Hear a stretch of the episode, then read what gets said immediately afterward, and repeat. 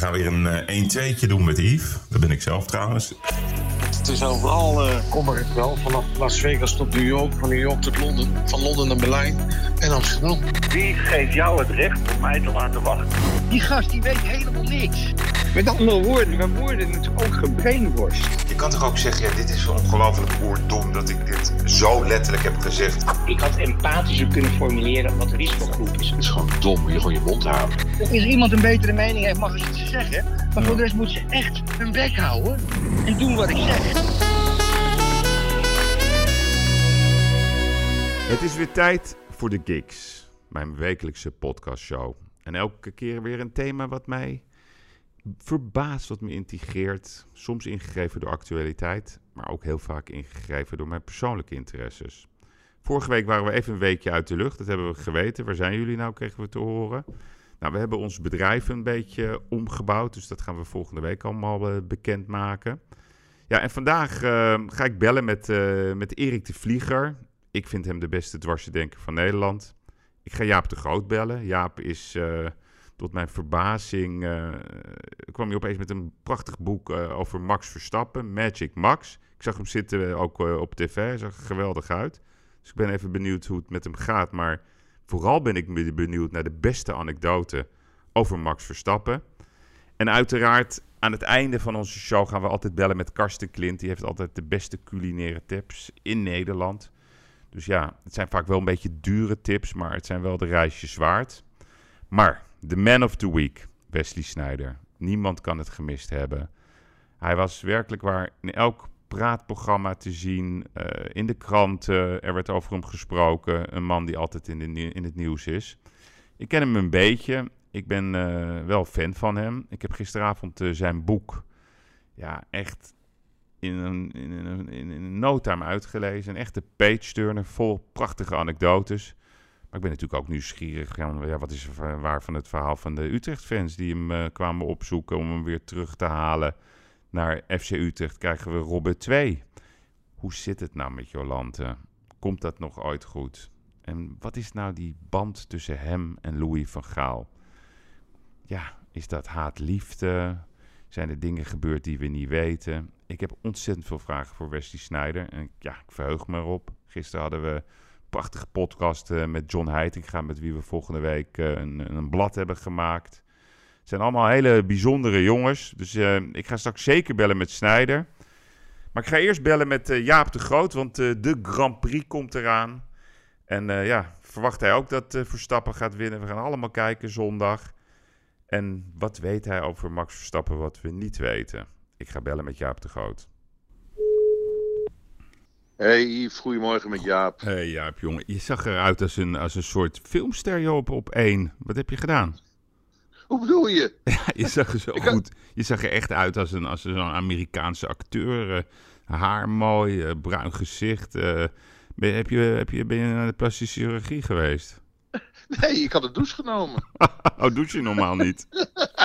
Nee. Ja, nee, nee, nee, nee, nee maar even zonder dolle. Maar ik zit ja. ook heel goed in mijn vel. Ik uh, train. Uh, het is natuurlijk mooi weer geweest. En ja, uh, ja nee, maar het is, het is echt... Ja. nee, maar gemeend. ik, vond, ik, ik vond echt dat je er goed uitzag. Nee, maar het gaat echt heel goed met me. Het is, uh, ja, er zit heel veel, uh, heel veel positieve energie. Uh, ik slaap heel goed. Ja. er gebeurt heel veel. Ja. En ja, en, en ik, ik, ik, voel me ook heel erg gezond. Dus dat, ja, ja dat, ik, ik, moet zeggen, wat je stelt, dat, dat hoor ik van meerdere mensen. Hoor. Die zeiden, nou god, uh, ja, wat een verschil met een jaar geleden. Ja. Nou ja, goed nou, om te horen. Nou, mooi toch.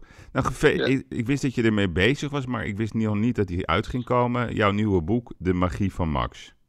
Ja, nee, dat was... Uh, aanvankelijk zou het op 22 april uitkomen. Uh, twee weken voor de, voor de Grand Prix in, uh, in Nederland. Hmm. En uh, ja, toen, toen, toen kwam de, de lockdown. En ja, er zouden zonder vijf verschil, boeken over de Grand Prix op de plank.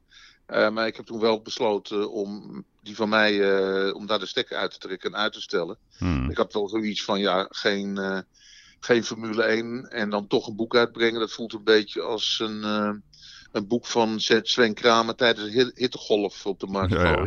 ja. Nee, dus, de timing is perfect. Ja, dus ik heb gewacht en toen, ja, toen kwam de, de, toen kwam, kwam het nieuwe programma kwam naar voren. En toen heb ik alleen wel tegen de uitgever Nieuw Amsterdam gezegd van...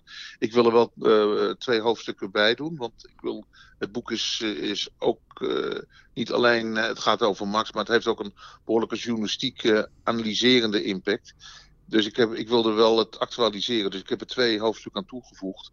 Waarin ik ook uh, het, uh, het, corona, uh, het corona meegenomen heb. Hmm. Nou, dat kon. En er zijn twee hoofdstukken aan toegevoegd. En ja, nu hebben we het een week voor de, voor de hervatting van de Grand Prix hebben we het uitgebracht. Hé, hey, want hoe kom jij zo opeens... Ja, misschien is het niet opeens hoor, maar... Ben je altijd zo bezig geweest met Formule 1? Of is het meer Max Mania wat er bij jou is ontstaan? Nou, ik heb in de begin jaren tachtig, in de tijd van Alain Prost en uh, Nelson Piquet, Piquet, heb ik mhm. ook de Formule 1 gedaan. Alleen, uh, ja, ik, ik ben echt een sportman. En ik ben uh, door de jaren heen steeds meer gefocust geraakt op de ontwikkeling van de topsport. Mm. Uh, maar in die jaren, ik zal het nooit vergeten, was de voorlaatste Grand Prix van, um, van Zandvoort, in Zandvoort in 1984. En we hadden natuurlijk het probleem dat we niet echt een topper hadden in de Formule 1. En ik wilde toch echt ook met Nederland, weet je, toen met het topvoetbal, ja, dat wielrennen, allemaal wereldtop, maar dat hadden we niet in de Formule 1. En toen had ik, uh, zal ik nooit vergeten, dat was toen tijdens de Grand Prix van Nederland, was er een geweldige uh, gevecht aan de gang om de koppositie tussen Alain Prost en, uh, en Nelson Piquet. En ik stond in een hospitality en er stonden 75% van de mensen stond met de rug naar het circuit met een glas uh, bubbels in en toen dacht ik, dit is, dit is niet mijn sport. En toen ben ik ermee gestopt, ben ik me gaan focussen met name op het topvoetbal. Alleen ja, toen kwam ik uh, in de middenjaar, uh, ja, 2007 kwam ik in contact met uh, Jos en Max Verstappen. En ik raakte inderdaad gefascineerd door de ontwikkeling van Max. En ja, ik, ik, vond het ook heel erg leerzaam. Ik vond het aan mooi om te zien dat iemand, een, een jongen uit de nieuwe generatie, dat hij ja, dat hij zoveel oude normen, zeg maar oude waarden met nieuwe normen wist te combineren. En tegelijkertijd, je zag dat het toch wel een bijzonder talent was. En die fascinatie, ja, ik ben hem gaan volgen. En, en zo ben ik eigenlijk weer de Formule 1 ingerold. Maar je bent eigenlijk ook een slimme man. Want je had eerst natuurlijk die hele uh, ja, directe band met Johan Cruijff. Nou, dat is wel duidelijk best voetbal aller tijden. Hm? En nu ja, heb jij toch een beetje dat domein geclaimd uh, met Verstappen, hè, buiten zeg maar de ja, de, de reguliere uh, Formule 1 commentatoren, heb jij, zit jij toch weer front row, om het zo maar te zeggen? Is ja, dat, maar, maar, is, maar, is daarover nagedacht of, of, of is het... Nee, nee, nee. Wat ik volg wat dat betreft, uh, betreft altijd mijn gevoel. Ik, ja, ja. ik ben echt, ik wil, ik ben echt, kijk, daardoor uh, ben ik ook wel een beetje een vreemde eend het bijt in het hele Formule 1 uh, circus. Want je hebt uh, te maken met uh, nou, allereerst een, een, geweldige vakman als Olaf Mol. Ja. Maar hij noemt zichzelf ook een embedded journalist. Ja. Iemand die, die uit de autosport komt, eigenlijk in die sport zit, enorm van die sport houdt en eigenlijk meer een ambassadeur, wel kritisch is, maar tegelijkertijd ook een soort ambassadeur voor die sport is, omdat hij, hij geeft ook heel duidelijk aan, ik heb alles wat ik, alles wat ik nu doe, het plezier, het geld wat ik verdien, heb ik te danken aan de autosport. En ik ga mijn eigen, mijn eigen bron van inkomsten, mijn grote lieten, ga ik niet beschadigen. Hmm. Uh, als journalist zit je er toch iets onafhankelijker in. Ja. Uh, daar komt bij dat ik enorm geïnteresseerd ben geraakt in de uh, privatisering, commercialisering, vercommercialisering en mondialisering van de topsport. Nou, dan val ik gewoon in de Formule 1 een gespreid, uh, gespreid bedje. En ja, ja wat, wat, wat, ik met het volgen van Max uh, uh, eigenlijk op het bord krijg, is ook geweldig interessant vergelijkingsmateriaal met andere sporten. Ook, ook bijvoorbeeld met andere organisaties zoals de IOC, de KNVB, de FIFA. Maar ook bijvoorbeeld, daarom kon ik ook in mijn boek een mooie vergelijking maken tussen Max en, en Johan Cruijff. Ja, nee, maar die, is, dat, is, dat vind ik wel een interessante parallel. Hè? Want in, jou, in jouw uh, krant, hè, de Telegraaf, ik blijf dat toch maar jouw krant uh, noemen. Uh, vandaag ook staat er een stuk over Max. En dan gaat het ook over het racisme, omdat Hamilton zo actief ja. was online. Dat hij vond dat de coureurs afstand moesten nemen. En dan zegt Max, zo simpel. ja, weet je, in mijn leven is iedereen gelijk. En ik kan me niet voorstellen dat iemand aan racisme doet. Punt. En, en dat, dat is zo Cruyffiaans. Dat, dat gewoon hele grote vraagstukken terugbrengen tot een bierveeltje. Wat vind je nou de grootste parallel tussen Kruif en Verstappen? Nou, allereerst het, uh, het, het, het, het, talent. Mm. Unieke talent. Ten tweede is, het is, en daarom heb ik ze ook met elkaar vergeleken. Want we hebben natuurlijk heel veel wereldberoemde sporters gehad. Gullit, Van Basten, uh, noem ze maar op. Mm. Maar, maar het, het, ik vind zowel Cruijff als Max Verstappen daar nog een level boven. En waarom? Omdat uh, ze zijn binnen een mondiale sport game changers. Ja, ja. Uh, ze, ze, zorgen, Johan Cruijff in het voetbal voor een totaal andere nieuwe dynamiek gezorgd. En hetzelfde is het geval met, met Max Verstappen, meer nog dan Lewis Hamilton. Uh, Max heeft op zijn achttiende al gezorgd dat de Formule 1 een, een, een, nieuwe impuls en een andere dynamiek heeft gekregen. Nou, dat is de eerste plaats, maar dan praat je puur vanuit de sportman.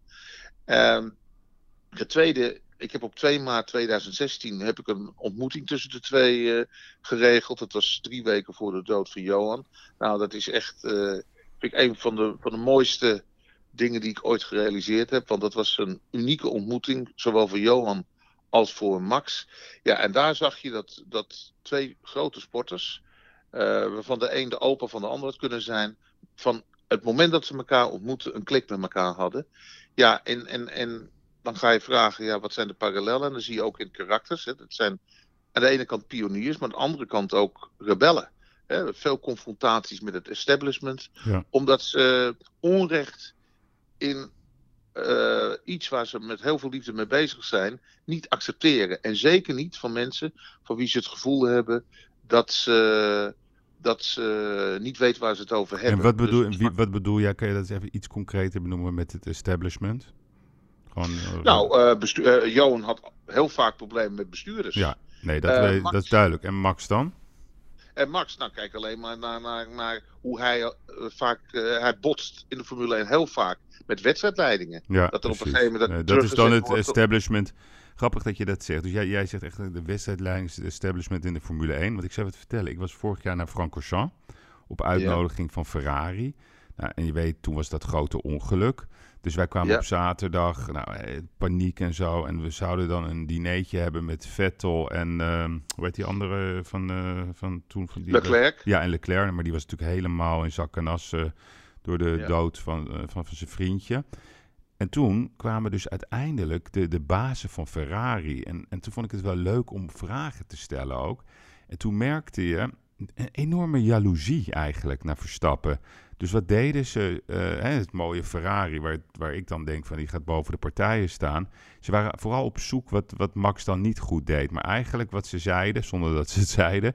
We zijn als de dood voor hem en we zullen al onze middelen inzetten om hem het onmogelijk te maken. En volgens mij is er dus ook binnen de Formule 1 best wel bovengemiddelde invloed van Ferrari en Mercedes op de wedstrijdleiding. Maar is dat een veronderstelling of denk jij ook dat het zo is? Nou, je geeft ook echt het beste voorbeeld hoor, uh, Yves. Want, want, Ferrari is echt, vind, vind, ik, het voorbeeld, het grootste voorbeeld van hoe het niet moet. En dat is ook een van de redenen waarom Sebastian Vettel het helemaal uh, gehad heeft. Ja. Met, uh, met een prachtig merk, met een, met een prachtige historie. want, want het is voor iedere coureur een droom om bij Ferrari te, te rijden. Maar Vettel wil gewoon zelf weg. En, en dat heeft alles te maken met wat je nu schetst. Um, uh, vorig jaar heeft, Vet, heeft uh, Ferrari gewoon heel veel uh, punten verspeeld. Heel veel resultaten bij Ferrari zijn beïnvloed door inmenging van de leiding tijdens wedstrijden. Mm zelfs op het moment dat Leclerc en Vettel goed in de wedstrijd zaten, kwamen de stalorders dat je echt dacht: ja, ze zijn gewoon de boel aan het verzieken. Zo weinig gevoel bij een wedstrijd. Zo weinig gevoel bij, bij topsport. En, en, en dat is precies, nou ja, het voorbeeld van Ferrari. En, en eh, misschien heeft het wel meegespeeld hoor. Dat Max uh, heel snel uh, dit seizoen bijgetekend heeft bij Red Bull. Maar die dacht, ja, Ferrari, zoals dat nu georganiseerd is, en wetende hoe mijn karakter in elkaar steekt, daar moet ik heel ver van, van weg blijven. Ja, nee, maar ze zeiden ook, ja, stappen, weet je zo. Maar ik was natuurlijk ook aan het beste. Ik zeg, hij, hij, is by far de beste coureur. Ik bedoel, ze kunnen nog niet eens de schoenveters uh, vastmaken. Nou ja, je kan, erger kun je, kan je de Italianen natuurlijk niet boos maken. Ja. Nee, en hij moet op zijn knieën als hij bij Ferrari wil komen. Hij moet het nog maar laten. Ik, ik, vond het ook zo kinderlijk. Maar het waren wel die, die, die ene met die bril. Ja, ik ben even niet goed in die namen, die baas.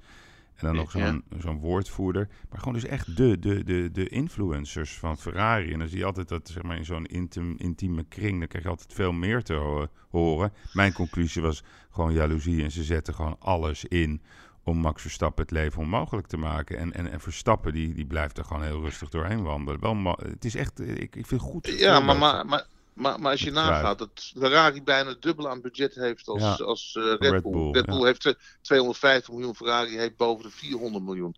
Dat, uh, maar, maar als je Ferrari, Ferrari, vergelijkt met bijvoorbeeld een organisatie in het voetbal. Hè, dat is vergelijkbaar bijvoorbeeld met, met, met een Feyenoord in Nederland, op Nederlands niveau. Maar in het buitenland bijvoorbeeld met een, met een HSV Hamburg. Toch een hele grote club. Hamburg speelt nu in de tweede Bundesliga. Waarom? Om, omdat, omdat Jan en Alleman uh, daar invloed heeft. Iedereen kan zich, geloof ik, voor 100.000 uh, euro kan hij zich inkopen en een stemrecht verkrijgen. Dus je kijkt bij Feyenoord. Dat, dat, waarom wil iemand als Robert Eenhoorn daar niet naartoe? Omdat uh, er niet één, twee of, of tien mensen nee. mee kunnen denken. Nee, een stuk of honderd. je, de vrienden van Feyenoord noem, noem ja. het allemaal maar. Maar als je nu... Hetzelfde geldt bij Ferrari. Ja. ja, nee, begrijp maar. Aan de andere kant, als je nu ziet Arnes, hij, doet, hij is toch wel slagvaardig hè, met die Kanté en ja, nee, nee, nee, maar nou, nou, nou, nou, nou, nou, heb je het over, over uh, individuele mensen binnen de organisatie. Ja, ja, maar, maar, het gaat uiteindelijk om de organisatie als geheel. En, en, en, helemaal op momenten dat het slecht gaat. Hè, dan moet je de krachten bundelen. En dan, juist op dat soort momenten, zie je ineens dat iedereen zich ermee gaat bemoeien. Uh, de emoties gaan opspelen. Nou, emo dat emotie de overhand krijgen in topsport is, nou trouwens ook in het bedrijfsleven, is killing. Hey, even nog terug naar je boek. De mooiste anekdote over Max, die we nog niet weten. Oh, nou, eigenlijk... Die we nog niet weten. Nou nee, uh, ook weer om de vergelijking met Johan Cruijff door te trekken. Uh, wat ik echt heel mooi vond, echt heel mooi, was... Uh, het was, hij was in 2015. Hmm. Hij was dus 17 jaar oud. Hij had getest in Geres de La Frontera en toen kwam de tweede test in Barcelona. En wat ik zag was daar een jongetje van 17 jaar en om zich heen had hij 40 uh, volwassen kerels die dag en nacht voor hem klaar stonden. En, en, en ja, op een gegeven moment denk je toch van ja, is dit normaal? Een, een teenager en dan en dan eh, stel ik het even heel zwart-wit, met 40 lakeien om, om, om zich heen. Dat moet hem toch gaan beïnvloeden. Dus ik stelde hem op een gegeven moment de vraag, Max, hoe zie je, je jouw rol in dit team? En toen zei hij zo echt in de split second, Jaap, uh, ik zie mezelf als, uh, als uh, een van de monteurs. De monteur die rijdt. Het was een two-liner. En ik had echt zoiets, ja, jij snapt het dus. Ja. Jij snapt het dus. Jij snapt dus dat... Zei hij dat zo meteen, zonder na te denken? Echt, Geweldig. Echt, echt. Ja. Ik, ik, ik, wacht, ja. Jij beseft nu al dat Max ja. Verstappen alleen tot niks leidt. Ja. Je bent onderdeel van het team en als het team niet functioneert, ga, ga, jij het nooit halen. En het was hetzelfde wat Johan Cruijff altijd zei. Ja, ik ben de beste voetballer, maar Wim Suurbier is een betere rechtsback en Piet Keizer is een betere linksbuiten. Ja. En zonder die kwaliteiten ben ik als beste voetballer snel ik onder. Hé, hey, te gek. Ik vind het echt geweldig dit. hey, ja. Uh, Jaap, uh, iedereen denkt natuurlijk dat Max gaat winnen uh, zondag twee keer eerder al gewonnen. Ik denk dat, dat geweldige kijkcijfers worden, want ja, ik, ik verheug me er ook enorm op. Wat denk jij? Echt, uh, Yves, ik zou het niet weten. Het is, er is nog helemaal niet getest. We hebben de laatste test gehad in februari in Barcelona. Ja, vandaag gaan ze testen, toch? Uh, kijk, wat is. Uh, Vrijdag, ja, nee, ja. Om, om, om 11 uur is het. Ja. Uh, om 11 uur is de eerste training. Hè? Spannend. En dat, je, het mooi dat je het zo stelt, want de training is normaal al een, een, een test, maar een test van wat je getest hebt. Ja. En, en dit is een test. Ja, ja dus er zitten heel veel onvoorspelbare factoren. Ja, dit, is gewoon, ze hebben gewoon vier maanden niet, in, wat is het, vijf maanden niet in een auto gezeten. Ja. Dus, dus, dus, dus in feite is dit weekend is één grote test. Van, ja, van, spannend. Van, wie denk je dat de, de dark horse wordt naast Verstappen? Is er een dark horse? Ja, ik, denk toch wel, ik ben toch wel benieuwd naar Leclerc hoor. ik vind het ook een. Ja, maar dat is geen dark horse, hè, want dat is natuurlijk een favoriet. Ja, ja. Nou, ik, denk, ik moet je eerlijk zeggen, ik denk toch, ook zeker nu uh, met corona, dat het echt om de top 3 gaat. Het, uh, ik, ik, ik, denk dat, uh, dat de, de, de, verschillen toch wel groter zijn geworden door wat er gebeurd is. Ja. En alleen ja, de verhoudingen, ja, dat, dat, is, dat, dat is nog niet te voorspellen. En alleen, ik weet wel, hmm. kijk, we hebben nu drie uh, races achter elkaar. Dat is uh, twee keer Oostenrijk en daarna gaan we naar Hongarije. Dat zijn wel drie circuits dat Max eigenlijk altijd ja, uh, goed rijdt. Ja. En, en ja, ik denk wel dat, dat als hij Ooit de na deze dat, cyclus ja. van, drie, van, drie, races, als hij echt in de top mee gaat dan gaat hij echt meteen vol voor de wereldtitel. Ja. Want dan, dan, heeft hij, dan ruikt hij bloed en dan gaat hij erop en erover. Ja, mooi. Hey, en dan nog eventjes wat cijfertjes, want jij houdt dat altijd heel goed bij. Hoe doet het boek van Van Gaal het? Ik, ik heb geen idee, maar dat was Oh. natuurlijk ook... ook eh, ja, Van Gaal heeft goed gescoord op de ranking. Heeft natuurlijk gewoon eh, eh, de nummer 1 positie, de bestseller top 60 gehaald. Alleen, ja, kijk, eh Ivan, dan, ben ik ook heel benieuwd eh, de komende week wat er met mijn boek gebeurt. Want, want ja, de boekenmarkt is een beetje in elkaar gestort. Want ik weet heel goed dat, eh, wat ik al aangaf, hij zou op 22 april uitkomen. En er waren 50.000 boeken besteld. En nou, met 50.000 boeken ben je gewoon voor niks, kom je op, kom je op één. En dat heb ik toen met, met Kruif meegemaakt. En eh, met eh, Dirk Kuyt, de autobiografie van Dirk Kuyt. Ik weet heel goed dat in de eerste week van eh, dat boek werden er eh, 33.000 verkocht. Dus je ging van niks op één. Maar ik hoorde bijvoorbeeld met, om een indicatie van hoe die boekenmarkt eh, eh, een klap gehad heeft. Toen hoorde ik dat het boek van Nouri, wat een natuurlijk geweldige...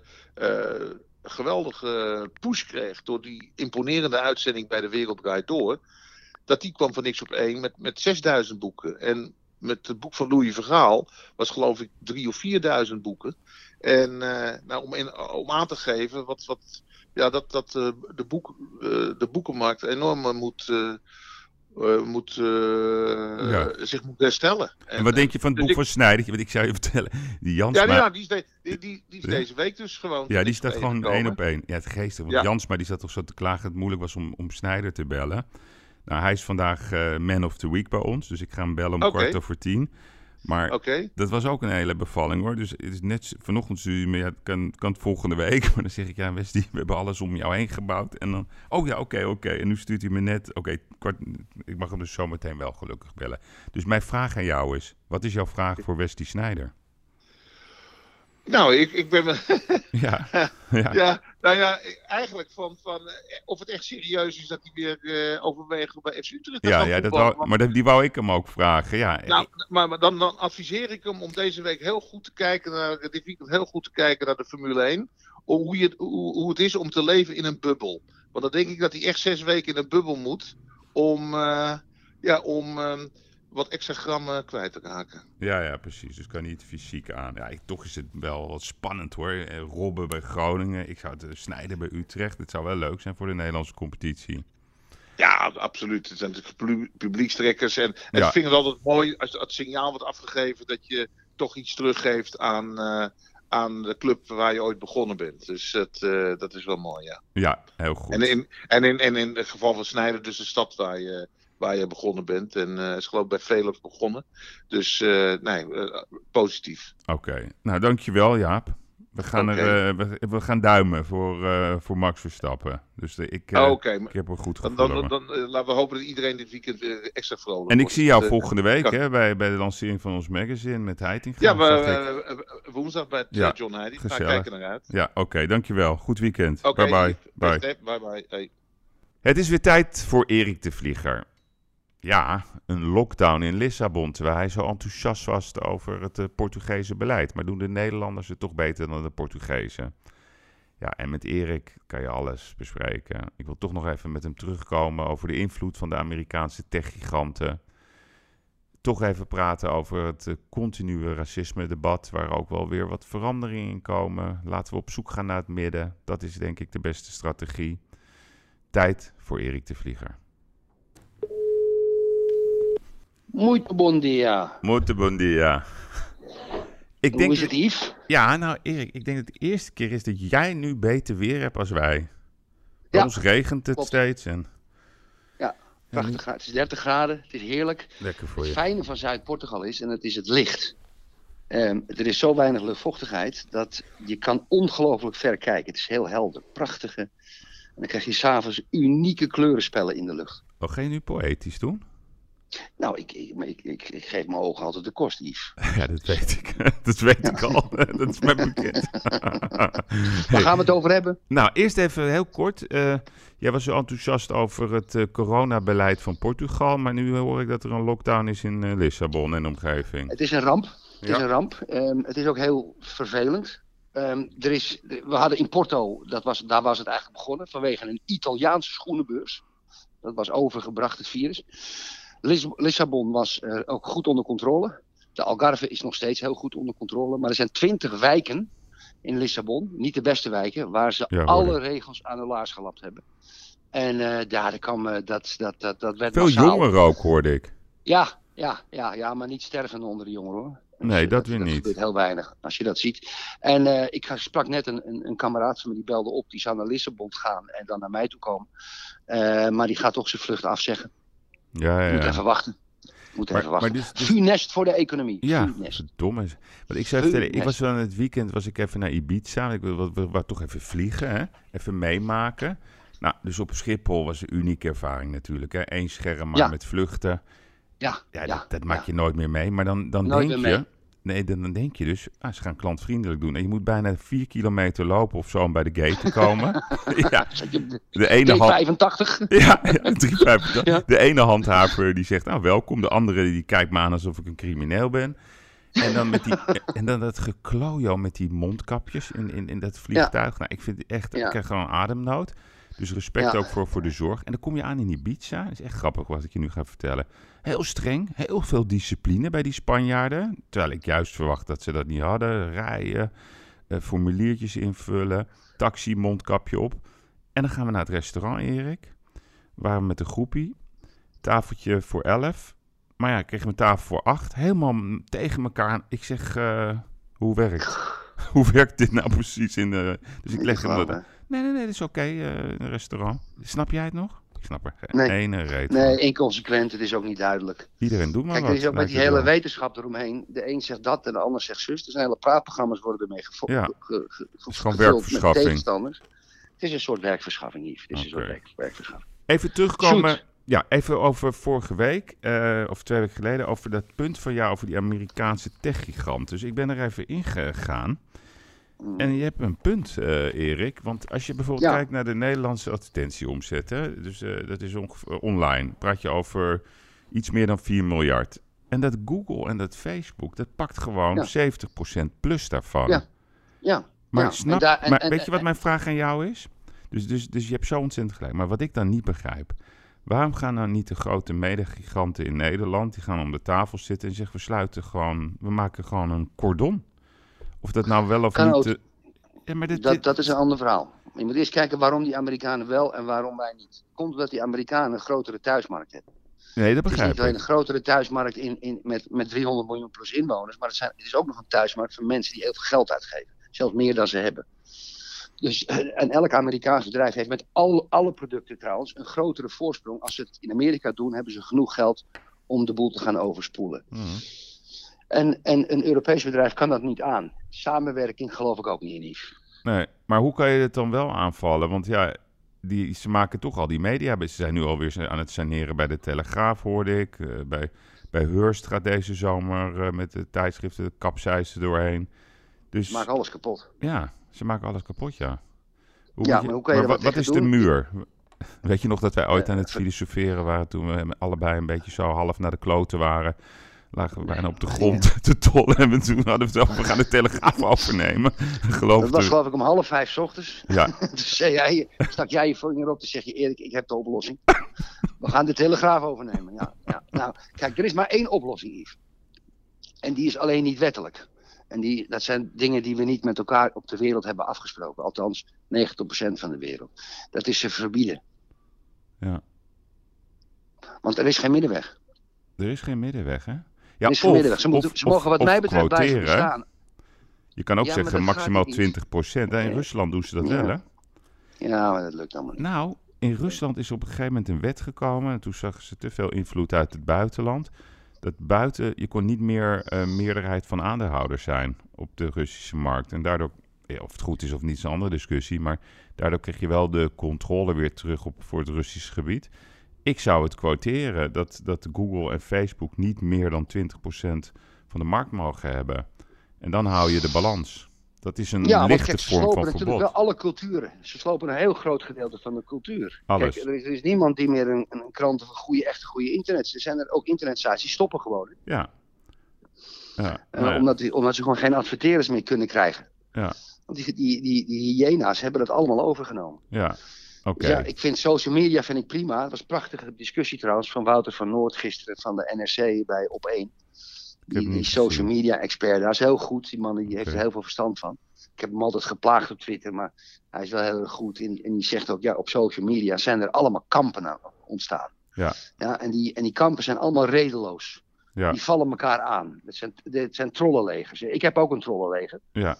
En, en, en, en dat, dat, dat, dat, dat, als ik ruzie met iemand heb op Twitter, een parlementariër, dan duiken daar 500 man bij op. En die, maar wil je dat uitleggen, hoe, je, hoe dat werkt, dat trollenleger van jou? Nou ja, ik, ik geef bijvoorbeeld een tweetje aan Kees Verhoeven van de D66. Vanochtend heb ik er eentje gegeven. Ik hoop dat hij reactie geeft. Die Kees die gaf een tweet. Nou, het is vijf uur s ochtends, hè, want ze gaan allemaal een maand op vakantie. Het is vijf uur s ochtends en dan moesten nog allemaal hamerstukken. Dat is allemaal een beetje te veel. Dus die gaat ons vertellen, die parlementariër, dat hij tot vijf uur s ochtends werkt. Nou, dat hebben wij allebei wel eens gedaan in ons leven. Daar moeten we dan trots op zijn. Ik zeg, Kees, gelukkig, je kan lekker een maandje op vakantie. Als hij daar nou een antwoord op teruggeeft, dan retweet ik alleen maar zijn tweet. Ja. Dan lezen mijn volgers het en duiken ze bovenop hem. Is overigens wel heel erg leuk. Ja, ja dus je hebt een soort harde kern, een soort F-site achter jou. Ja, ja, een soort F-site, ja. Een soort F-site, ja. Mooi. Ja, hey, en dan toch even over de kamp, hè? Uh, want je had ook getweet, je bent geen racist als je Sinterklaas viert. Leg eens uit. Had ik dat getweet? Oh, dat dacht ik. Nee. Nee. Oh. Nee. Nee. Maar nee, ik ben... Oh, oké, dan heb ik me niet goed voorbereid. Dan, ik zag dat, dat maakt je, niet uit. De, je, je, je, wordt... Uh, dan doen we even Weet je wat ik wel opmerkelijk vond? Ja? Weet je wat ik wel opmerkelijk vond? Dat is, er is gisteren een column verschenen van Jan Roos. Ja. En iedereen vindt... Ja, je, je vindt hem aardig of je vindt het een lul. Maar Jan Roos heeft een column geschreven. En die heeft zich omgedraaid als het gaat om Zwarte Piet. Hij zegt, wat maken we ons nou druk? Of het nou een paarse is, of een gele of een rode. Dat vond ik zeer opmerkelijk. Jan is rechts. Hmm. Die was altijd pro-Zwarte Piet, Nederlandse cultuur. En zijn argumentatie was dat hij met een hele goede vriend van hem had gesproken. Die met een Antilliaanse vrouw is getrouwd. En die vriend heeft hem dat uitgelegd. En daar heeft hij twee weken over nagedacht. En hij is om. En die vriend is mijn zoon. Ja, ja, mooi. Want mijn zoon is getrouwd met een Antilliaanse. En die zegt, pap, dat gezeik met Zwarte Piet, dat moeten we mee stoppen. Ja. dat, maak het dan paars, maak het dan geel. Maak je daar niet druk over. Heeft een mooie argumentatie. Maar ik vond wel mooi dat Jan Roos dat had overgenomen. Heel goed. Ja, nee, maar ik, ik, denk er eerlijk gezegd ook zo over, als je het mij heel eerlijk vraagt. Ik, eh, want ik, je merkt gewoon als een discussie open gaat, dan ga je allemaal vragen stellen. En dan merk je dat het gewoon toch wel in de vezels zit. Dus dan moeten we, gewoon, we moeten gewoon mee kappen. En, en die discussie... Ja, maar we slaan wel door. Nee, die... We slaan wel door hier. Kijk, want, want Ed Kardavids bijvoorbeeld, hè, ja. die gaat nu voor Ollongren gaat hij in een commissie zitten voor het slavernijverleden. En er wordt maar geëist hè, dat jij en ik en heel veel mensen excuus maken voor de misdaden destijds begaan. Nou ja, kijk, ik wil ook excuus dan hebben voor de mijnwerkers die met stoflongen eeuwenlang uitgebuit zijn. Ik wil, hè, ik, ik, ik wil excuus hebben voor alle homoseksuelen die de laatste 500 jaar op brandstapels zijn gegooid. Mhm. Ik wil excuses hebben voor de misdaden die de katholieke kerk tegen de papen hebben gedaan destijds. Ja, dus dan moeten we aan die mensen ook excuus maken. We moeten van Frankrijk excuus krijgen voor de bezetting van Napoleon. We moeten van Spanje een excuus krijgen voor de 80-jarige oorlog. We moeten van de Romeinen een excuus krijgen dat ze 2000 jaar geleden onze vrouwen hebben verkracht. Ja. Ja, het slaat door. Nee, maar dat klopt. Het maar, slaat door. Maar, maar, wat ik goed vind, hè, want dat, dat, dat, dat heb jij waarschijnlijk ook gevolgd, dat die Engelse voetballers nu afstand hebben genomen van dat uh, Black Lives Matter uh, uh, beweging. Ja, weet je waarom? Ja. Weet je waarom? Omdat het gewoon anarchisten zijn.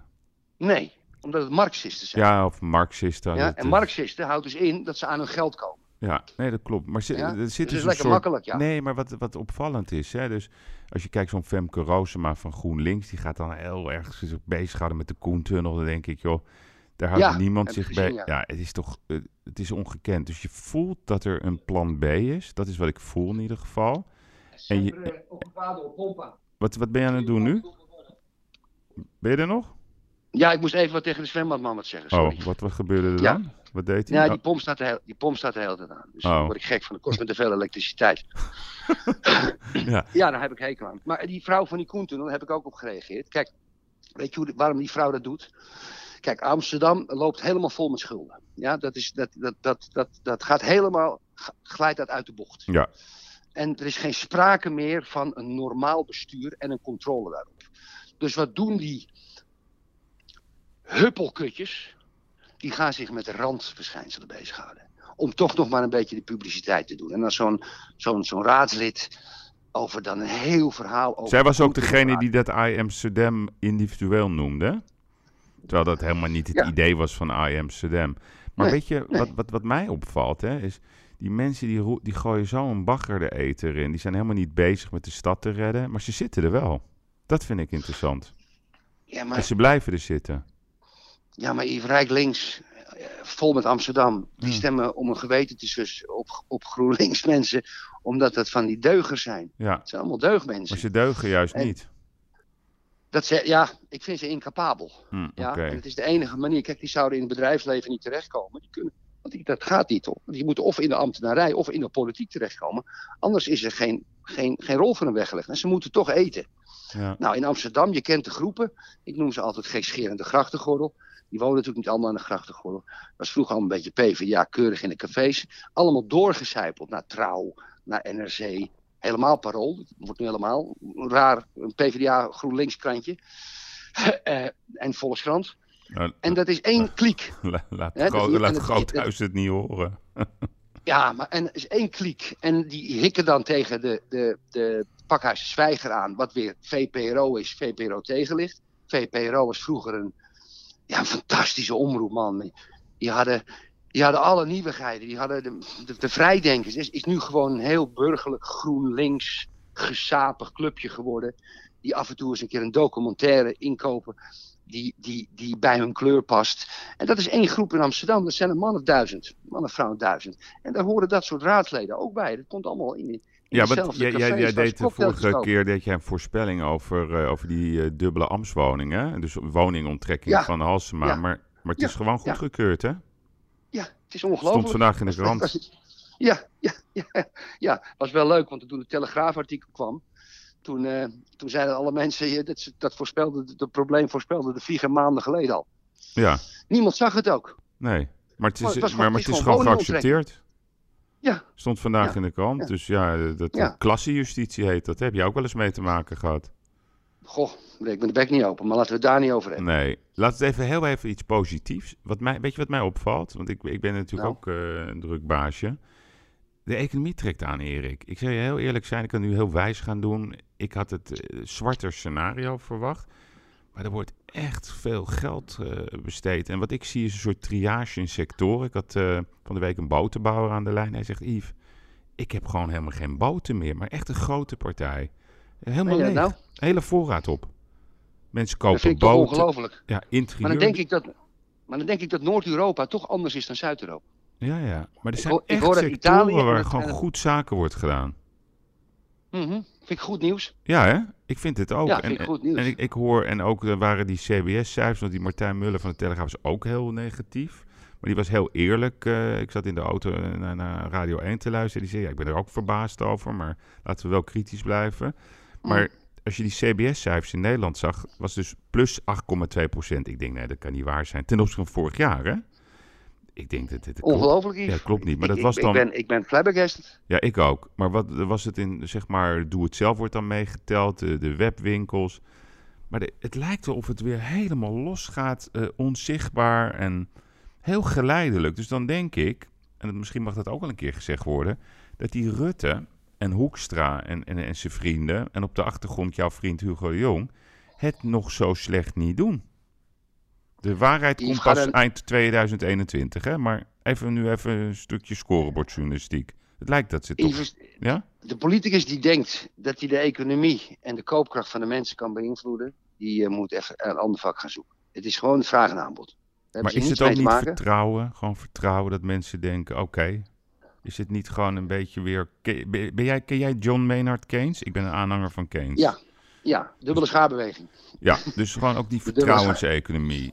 Ja, ik, ik heb het idee als er weer vertrouwen is, dan denken mensen, oké, het is weer goed. Het mag weer. Ja, maar Yves, geld is er, hè? Er is geld. Nou, dat is mijn punt. Vijf maanden geleden eh, begon die coronacrisis. Iedereen schrok. Iedereen bleef thuis. Iedereen hield centjes in zijn zak. Maar die centjes zijn niet weg. Nee. En er moet toch een keer uitgegeven worden. Nederland is een rijk land, ook individueel. Ja. Maar er gaat 500 miljard naar Zuid-Europa. En daar hebben we toch een beetje gemixt gevoel over. Want uiteindelijk kost ons dat ook belastingsgeld. Want onze staatsschuld loopt daardoor op. Ja, ze zeggen wel dat het een lening is, maar dat wordt natuurlijk nooit terugbetaald. In Zuid-Europa, in Portugal, Yves, ik, ik denk dat, dat er een, in het derde kwartaal, vierde kwartaal, een, een, een, een zoveel faillissementen komen dat de curatoren het niet aan kunnen slepen. Er is geen, er is, kijk, je moet die Zuid-Europese landen, op Italië na een beetje, die hebben ook niet echt productie. Kijk, wij maken nog dingen. Wij zijn een groot exportland als het gaat om landbouw, tussenhandel, et cetera. Ja, dus dat, daar is omloop. Ik sprak een vriendin van mij die op, op, op bij de inklaring van, van, van Schiphol werkt, zo'n bedrijf. Komt alle spullen worden. De vracht gaat gewoon door. Mensen consumeren. Ja. Maar die Zuid-Europese landen, die, dat, die 500 miljard, die, die is in drie weken op. Nee, dat klopt. Daar moet je regels aan komen. Maar ik zou je wat vertellen over. Want jij, jij doet huisjes, vakantieparken. Je moet eens nadenken om weer iets in Nederland te kopen. Als je nu op Booking.com gaat kijken voor de zomer, hè, op Texel, uh, de Zeeuwse kust. Het zit vol, maar hoge prijzen. Nederlandse Riviera. Dus ik, ik vind wel... 42% van de Nederlanders gaan in, in Nederlandse vakantie. Ja, en, En, en, en, en, en ik, ben, ik vind ook die creativiteit mooi. Hoor. Er zitten echt een paar mensen die alleen maar zitten te zeiken. Maar er zijn ook ongelooflijk veel ondernemers... Uh, die, die vernieuwen zich, die veranderen, die bedenken nieuwe dingen. Dus, dus het, is, het gaat ook om kwaliteit, hè Erik? Het is niet zo dat alles autonoom is. Maar Nederlanders zijn zo, Yves. Ja, knap hè? Nederlanders zijn ze. Die hebben een heel apart initiatief. Die doen dingen, die gaan recht op een doel af. Ik ben een beetje trots. Ja, dat moet je ook zijn. Dat is ook fijn. Maar ik ga niks in Nederland doen, lieve vriend. Oké. Want, ik ga want ik ga trouwen met een Portugese vrouw. Je nodigt me wel uit, hè? Hey, we, gaan, we zijn er Erik. Ik heb straks... Uh, de man van de week is Wesley Snijder. Ik heb gisteravond zijn boek gelezen. Ah. Heb, je bij heb je hem over Robben gehoord? Bij op één? Mooi. wie? Wat hij over Robben... Ja. Bij Bo. Prachtig. Ja, mooi hè? Maar, maar het, het, is echt een leuk boek. Hè? En, en wat mij opvalt aan Snijder is dat hij zoveel eer heeft. Hè? Hij komt uit de Utrechtse wijk Ondiep.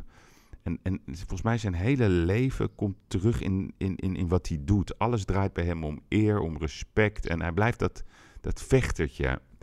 Maar ik vind weet je wat ik graag zou willen weten? Ja, dat daarom. Ik wil weten wat je van hem wil... Ik, ik, ja? ik, ik, zou willen weten wat hij aan die Jolante Cabau heeft meegegeven aan geld. Zal ik je wat vertellen?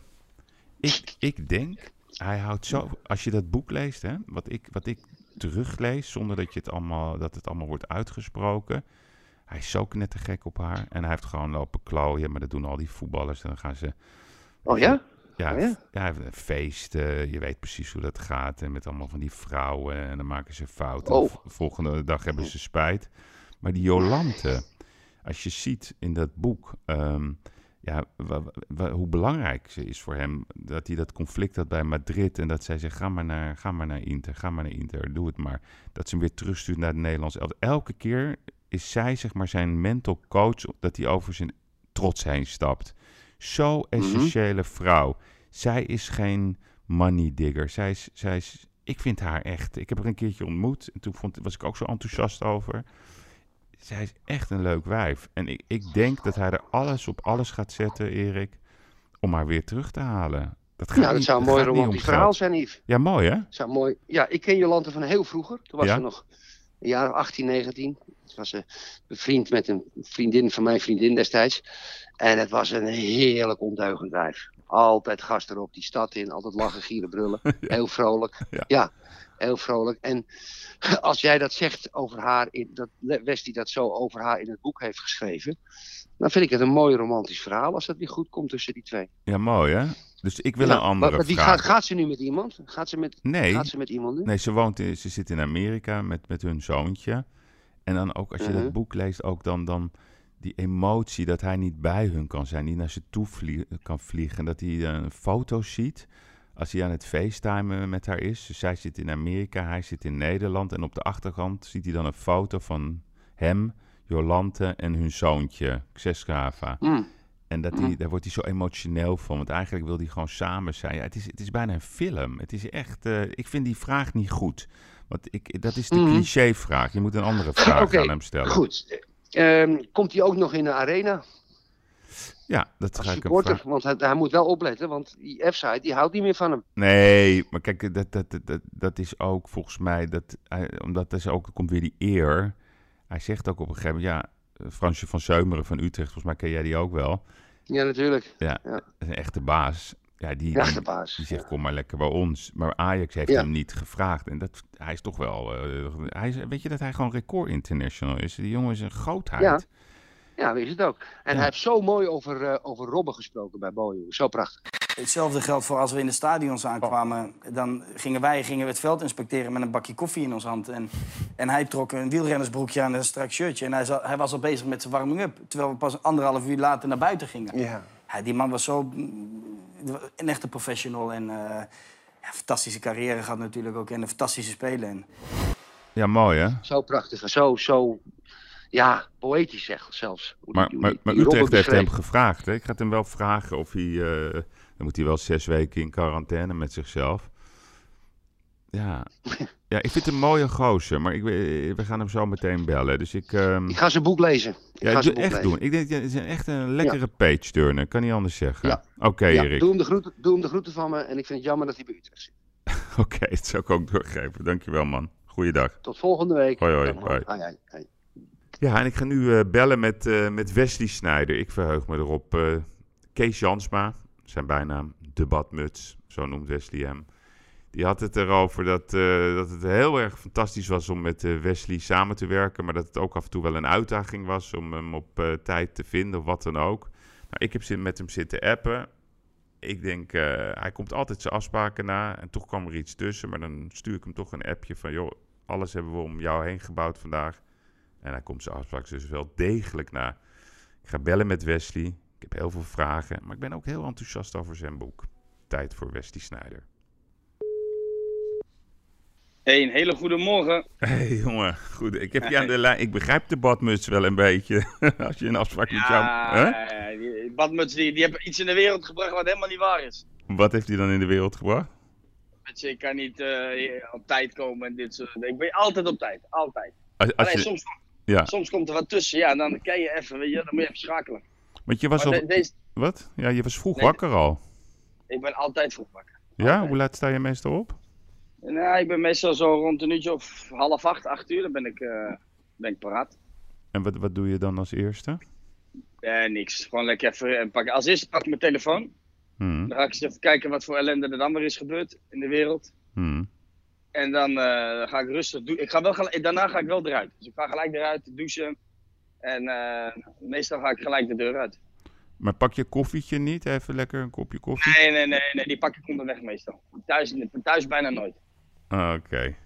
Hey, en hoe, ik vroeg me af, hoe, jij bent een, ik zat te denken, jij bent, eigenlijk zou jij de topmarketeer zijn bij elk groot sportmerk. Ik heb, je kon geen krant openslaan, tv-programma, of het ging over Wesley Snijder. ja, bizar hè? Bizar. Heb, heb, je dat zelf ook een beetje, een beetje invloed op gehad? Nou ja, kijk, je, je, kijk op een gegeven moment, uh, je gaat dan het boek uitbrengen. Je krijgt natuurlijk, uh, je weet dat die aandacht gaat komen. Weet je wel? De, de media-aandacht die gaat komen. Maar ik had niet verwacht dat het echt zo los zou gaan. Uh, ik ben natuurlijk al een tijdje gestopt, maar ik heb, laat ik zo zeggen, ik heb heel veel af moeten zeggen, omdat ik gewoon tijd tekort kwam. Dus aan aandacht de, scheelt er nog steeds niet. En je staat op dus- één, hè? Wist je dat? Ja, ja, ja, ja, dat weet ik. Ja, we zijn binnengekomen op één. Dus uh, ja, dat is natuurlijk mooi. Weet je, ook voor de uitgeverij. En ja, dat, zij, moesten er ook, zij geloofden er ook in, ook voor Kees. Die, die had er ook een heel goed gevoel bij. En uiteindelijk heeft hij, heeft hij een mooi boek geschreven. En waar ik zelf ook enorm trots op ben natuurlijk. Ja, daar gaan we het zo over hebben. Want wat, wat vond je, wat, waar hoop je op? Hoeveel boeken te verkopen? Ja, ik weet het niet. Kijk, ik, uh, als je kijkt naar degene die het boek hebben uitgebracht, je wel, uh, voetballers, oud-voetballers, ja, daar wil ik wel een beetje bij in de buurt komen. En ik denk ook wel dat dat, uh, dat, dat haalbaar is. nou, dan zit je tussen de, wat is het, tussen 200 300.000. Dat zou echt gigantisch zijn hoor. Ja, ja.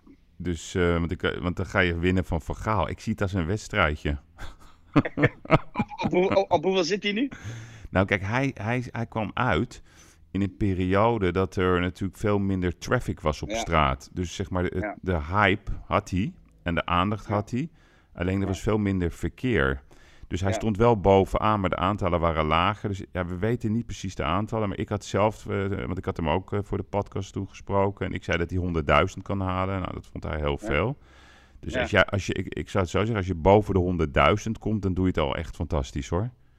Oké, nou ik weet, ik weet in ieder geval dat, uh, dat de, tweede de tweede druk nu al in de winkels ligt. Dus, uh... Oké, dat is wel heel knap. En wat vond je tot nu toe het leukste gesprek wat je had in de media? Uh, nou, weet je, ik heb nooit zoveel moeite met media. Weet je, ik, ik fiets er altijd wel doorheen. Maar ik vond het met name wel leuk die, dat ze het ook weer dat, ze ding, echt, dat ze het ook echt gelezen hadden en dat ze ook echt geïnteresseerd waren naar bepaalde dingen. Ja, en dan kan je, er nog wat uit, dan kan je het nog wat uitgebreider vertellen natuurlijk in de media. En een boek is het allemaal, je, je, je schrijft het op, maar ja, je kan niet met, met uh, gebaren en weet ik veel wat. Dus je kan veel dieper erop ingaan nog. En dat, die dag dat we die media, de dag van de presentatie, ja, dat, ja, eigenlijk, ik heb drie uur, heb, drie uur lang heb ik interviews gegeven, maar ja, dat ging zo snel. Dat, ja, het waren leuke, leuke gesprekken, allemaal, stuk voor stuk. En wat was nou de mooiste onverwachte vraag die je tot nu toe hebt gehad?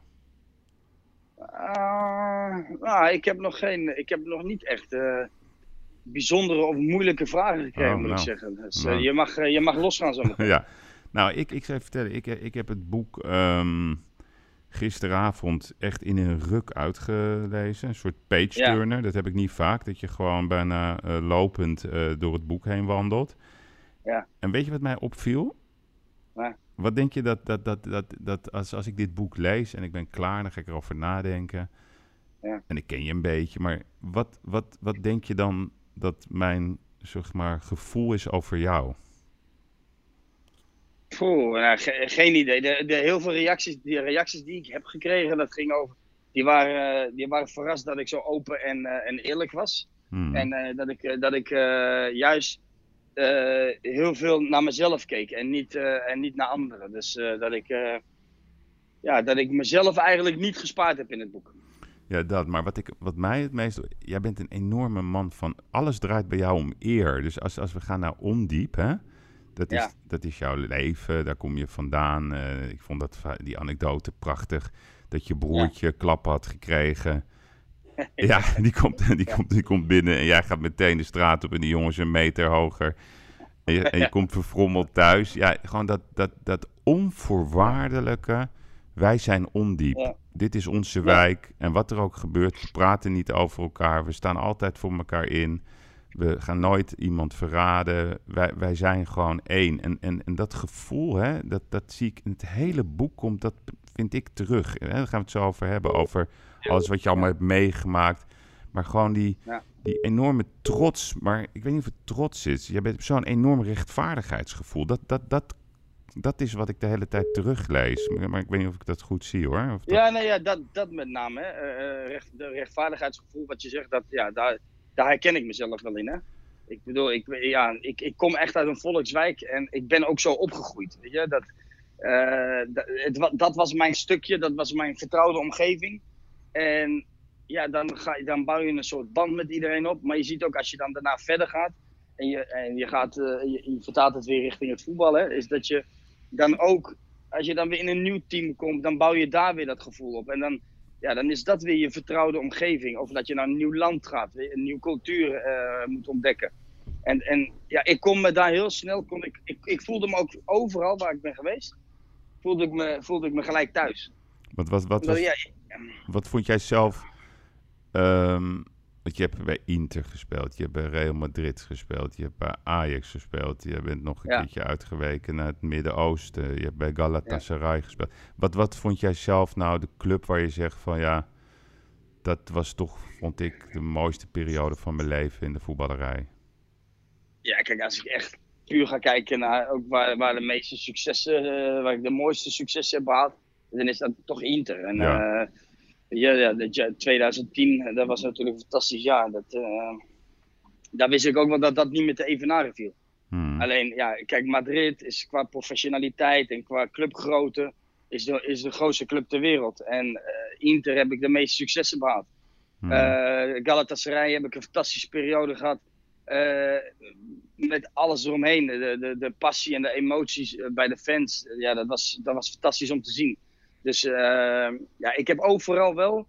Uh, en dan benoem ik die drie, want de, ja, de rest, ik, Nice en, ja, en het Midden-Oosten. Ja. ja. dat is niet echt een ding geweest waar ik ja, met, een, met een heel goed gevoel op terugkijk, bijvoorbeeld. Maar die drie dingen, die Real, Inter en Galatasaray Hmm. Heb alle drie iets verschillends bij me losgemaakt. En ja, waar ik nog steeds een heel warm gevoel van heb. Maar het lijkt wel, als ik het zo lees, dat um, ja, bij, bij, bij Real kwam je echt zo binnen. Eerst die strijd met Guti en daarna werd Guti je maatje. En toch heb je daar je plekje weten te veroveren. Vervolgens komt er, het eindigt ook vaak bij een conflictje bij jou, hè? Bij, bij de clubs waar je speelt, ja. op de een of andere manier.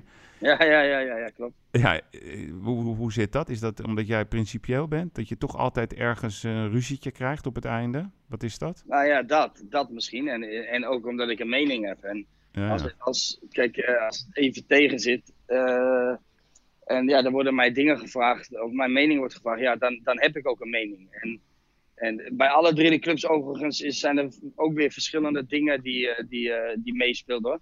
Madrid was het gewoon omdat ze, ze wilden me verkopen. Uh, ze hadden heel veel nieuwe spelers binnengehaald en ze wilden nog eh, geld. Dus Rob en ik moesten, moesten vertrekken. Uh, nou ja, daar, daar was ik het niet mee eens. Dus uh, ik zei ja, ik ga niet weg. of, ik, of ik moet meekrijgen wat ik ja, mee, mee hoor te krijgen. En Inter was, wilden ze me in een keer een contract halveren. Ja, waar, waar, daar was ik het uiteraard ook niet mee eens. Toen werd ik buiten de selectie gehouden en Galatasaray, ja, die kwamen in een, uh, in heel zwaar weer te, terecht. Ja. Sorry, en ja, dan, dan druk je te zwaar op de begroting. En dan, ja, dan is uh, weinig. Alleen als ze daar hadden gezegd van kunnen we wat doen met, met, met je contract, dan had ik er nog over nagedacht. Want ja, ik had het daar super naar mijn zin. Ja. Maar goed, dat, dat, is, weet je, dat zijn dingen die gebeuren. En uiteindelijk, als je weggaat bij een club, 9 van de 10 keer, gaat het altijd, met, gaat het altijd gepaard met ellende. Kijk naar een coach die, die, die tekent bij de club, maar de dag staat al geschreven dat hij uiteindelijk toch weer de club gaat verlaten. Dat is hetzelfde geldt voor spelers. En die, als je dan vertrekt, ja, dan heb je niet altijd heel goed gedaan. Of tenminste, dan is er iets gebeurd, meestal. Ja, ja. ja wat weet je wat zo opmerkelijk is? Hè? Kijk, het lijkt wel of jij je altijd maar moet bewijzen. Hè? Dat vind ik zo... Als ik gewoon naar de feiten kijk. Je bent record international, 134 keer. Je hebt alle grote clubs gespeeld. Overal heb je geleverd. Er is niet één club waar je niet hebt geleverd. En toch, waar je ook komt, of het, en straks ook even over het Nederlands zelf natuurlijk hebben. Je, waarom, moet, waarom moet Snijder zich altijd bewijzen? Dat vraag ik me af. Ja, Tuurlijk, je moet je bewijzen, dat moet iedereen. Maar bij jou is dat, komt dat iets meer naar voren. Wat, wat, wat, is ja, dat? Ja, maar ik, ik, ik, zie dat ook als iets positiefs. Hè? Want dan, dan kijk, als, als het verwachtingspatroon uh, hoog is, dan, dan, dan, ja, dan, dan doe je blijkbaar iets goeds. En als je dan even, als het even wat minder gaat, ja, dan verwachten ze juist van, van jou, degene die het elftal draagt, die, uh, die, bij de, bij de um, grotere spelers uh, behoort. Mm -hmm. ja, dan, dan verwachten ze van jou net iets meer. En dus ik, ik, ik kon dat altijd ook wel weer als een positief iets zien. Kijk, het, is, het, het is pas, het wordt pas vervelend als, als ze niks meer van je verwachten. Want dat betekent dat het goed fout zit. Mm -hmm. Dus ik had altijd wel die, die, die spanning en, en die extra druk, die vond ik, al, vond, vond ik eigenlijk altijd wel lekker. Ja, dat, daar werd ik juist, ja, daar werd ik nog beter van. En dan, tuurlijk, het was wel eens vervelend. Eh, ook omdat ze andere dingen erbij gingen halen in de media. Maar goed, ik wist dat, dat mijn ding was op het veld. En op het veld kon ik, kon ik het tegendeel bewijzen. En nou ja, ik heb uh, uiteindelijk een fantastische carrière gehad. Dus ik kan wel zeggen dat ik, dat ik vaak het tegendeel heb bewezen. Ja, want als je kijkt naar Galatasaray, hè, dat, dat lees ik als, de, als, als volgens mij de periode dat je het meest gelukkig was in je leven. Ik weet niet of, of ik dat goed zie, maar daar, daar, volgens mij was daar je leven helemaal perfect met Jolante. In die, in die Turkse cultuur, de warmte.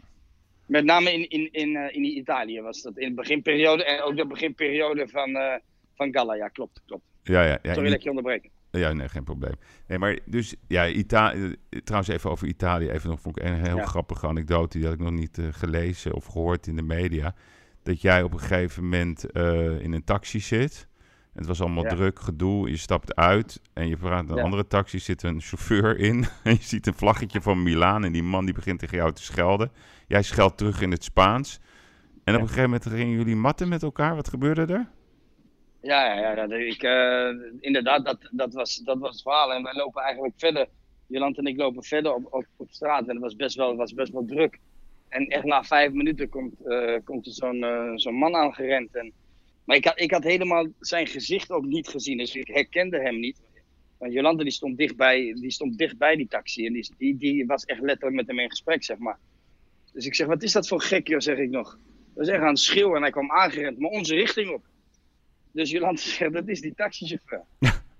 nou ja, dan weet je al natuurlijk, ja, dat, uh, dat, dat gaat fout. En toen uh, kwam dat uh, ondiepgevoel helemaal naar boven. Ik denk, ja, dat heb ik vaker meegemaakt. En toen, dacht ik van ja, wat moet, moet. En toen kwam hij op me afgerend en uh, ja, de, toen uh, lag hij in één keer op de grond. Ja, ja, maar wat ja, was het? Gaf je, gaf je hem een trap of gaf je hem een vuistslag? Nee, ik gaf, hem, ik gaf hem eerst een vuistslag en al zijn tanden die stonden letterlijk in mijn, in mijn, in mijn knokkels, zeg maar. Dus uh, dat, ja, dat, best wel heftig werd dat. En toen, ja, toen lag hij op de grond, maar ja, ik, ik ben door blijven gaan. En uiteindelijk werd ik weggetrokken door iemand. En met dat ik het weggetrokken, trok hij net een, een, een, mes uit zijn zak. En toen kreeg hij nog een, een, een klein tikje van Jolante eroverheen. Met de hak of zo, las ik. Nee, met de punt, met de, puntla met de puntlazen. ja, en weet je, kijk, die had dat nooit meegemaakt natuurlijk. Maar ja, ik, ik, ja, was, ik had dat wel eens meegemaakt vroeger in, in mijn jeugdjaren. Dus ik dacht, ja, dat, dat ja, moet, ja, wat moet, moet.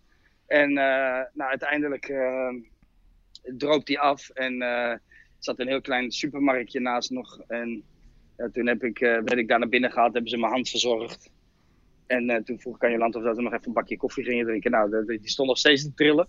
En dus hoe was zij? Was zij aan het trillen of was ze wel... Uh... Ja, tuurlijk. Die, was, die, vond dat, die, die, die, had, die had zoiets nog nooit meegemaakt. En dat, ja, maar toch deed ze mee. Ja, dus zij heeft ook dat straatvechtersgevoel blijkbaar in nou, Ja, maar ze zei, tuurlijk, kijk, als je, als je op een gegeven moment ziet dat uh, iemand een, een mes uit zijn zak trekt. En ja ja, ik, ik had het al lang niet meer gezien. Ik, had het, ik, was, al, ik was al omgedraaid. En ja, en toen, uh, ja, dan, uh, ja, ik denk dat iedere vrouw het in, in die situatie had gedaan, uh, denk ik. Ja, ja, precies. Ja. Hey, en, en als je kijkt naar, naar jouw rol bij het Nederlandse elftal, hè? Um, ja. Jij, jij, jij bent zelf het meest enthousiast over de periode met Van Basten. Dat, was, dat was droomvoetbal. Ik, eh, ik heb ook die wedstrijd, was ik ook in Zwitserland. En uh, jij hebt het over die kick dat je daar in Bern zat. Het was ook niet normaal met die oranje mars over die brug. Ja. Uh, en jullie tikken, zowel tegen Italië als Frankrijk. Dat was echt het droomvoetbal. Dat draaien, weet je nog, die bal die je dan in die kruising krult. Dat was echt totaal voetbal. Um, dan, dan komt dat moment met Boularouche. En, en hè, achteraf is altijd makkelijk praten natuurlijk. Dat je zegt van ja, we, had harder moeten zijn en we had de focus moeten leggen. En, en Hiddink was slim. Maar wat was die, die leegte dan, hè, die in dat elftal opeens zat? Wat gebeurt er dan? Dat, wat dat vind ik interessant. Wat gebeurt er met voetballers als er dus iets zo wezenlijks gebeurt, zoals met Boularouche uh, zijn vrouw? Gaan die krachten dan uit dat lichaam? Hoe werkt dat? Nou, kijk, weet je wat het is? Kijk, dat gebeurde en uh, sommigen hadden, iedereen heeft een andere band met elkaar. Hè? En Boularoes die had natuurlijk die, uh, bij HSV en met uh, Van Nistelrooy, met, Van der Vaart. dus die had met, een bepaald groepje, die ging altijd heel goed, was heel sterk met Van Persie en Afvalei. Dus ik wil niet zeggen dat het een groep, groepje was, maar die hebben toch een soort andere ja, binding met elkaar. En uiteindelijk ben je op zo'n toernooi, je hebt, je hebt de focus met z'n allen, je bent één team. En we waren ook echt één team, maar we hadden met z'n allen hadden we één doel. En we zaten er lekker in en we wisten van, ja, dit, dit, dit gaat niet meer fout. We hadden het gevoel gewoon van, dit kan niet meer fout gaan. En ja, dat gevoel, dat, dat werd, per wedstrijd werd dat nog sterker. En uh, ja, dan gebeurt opeens, opeens gebeurt zoiets. En dan zie je toch, ja, een klein groepje gaat dan eh, ja, die gaat naar het ziekenhuis. De rest blijft achter in het hotel. dat kleine groepje van, ik meen, vijf, zes spelers, die, die ervaren het verdriet daar in het ziekenhuis van zijn toenmalige vrouw. Ehm, die zien ook wat er allemaal is gebeurd. En dan komen die terug in het hotel. Nou ja, dan, dan kan je al begrijpen dat er een soort van een andere beleving is tussen twee groepen. Wij, wij, tuurlijk, wij vonden het verschrikkelijk, maar bewust ook voor gekozen om niet uh, naar het ziekenhuis te gaan. Omdat ja, we, we wilden toch uh, ook niet, vanwege de drukte daar, maar ook vanwege dat we toch die, die, die focus wilden blijven houden. En ja, dan, uh, ik denk dat er achteraf is gewoon, er is iets ingeslopen. En ik begrijp het. Ik begrijp dat je naar het ziekenhuis wil. Ik begrijp dat je, het wilt, dat je er wilt zijn voor ze. En wij waren er ook voor ze in het, in het hotel op afstand. Maar er gebeurde gewoon iets, er, werd iets, er ontstond iets. Ja, dat je toch. Uh, we waren alleen maar daar nog mee bezig. En ja, dan, ja, dan, kan, het, dan kan het bijna niet meer zo zijn dat je die, uh, die. Onbewust sluipt er iets in. Ja, wat je eigenlijk niet wilt. En ja, misschien wat, dat we daardoor wel ja, iets minder krachtig waren tegen, tegen die Russen. En voel jij dat dan als je uh, zeg maar in die catacombe staat? Want dat is altijd een heel belangrijk moment, hè, dat je in die gang staat voordat je dat veld op gaat. Soms voel je dat onoverwinnelijk, hè, dat je weet, ja, wat er ook gebeurt, we gaan vandaag winnen. Maar hadden jullie, kan je dat nog herinneren, wat je toen voelde?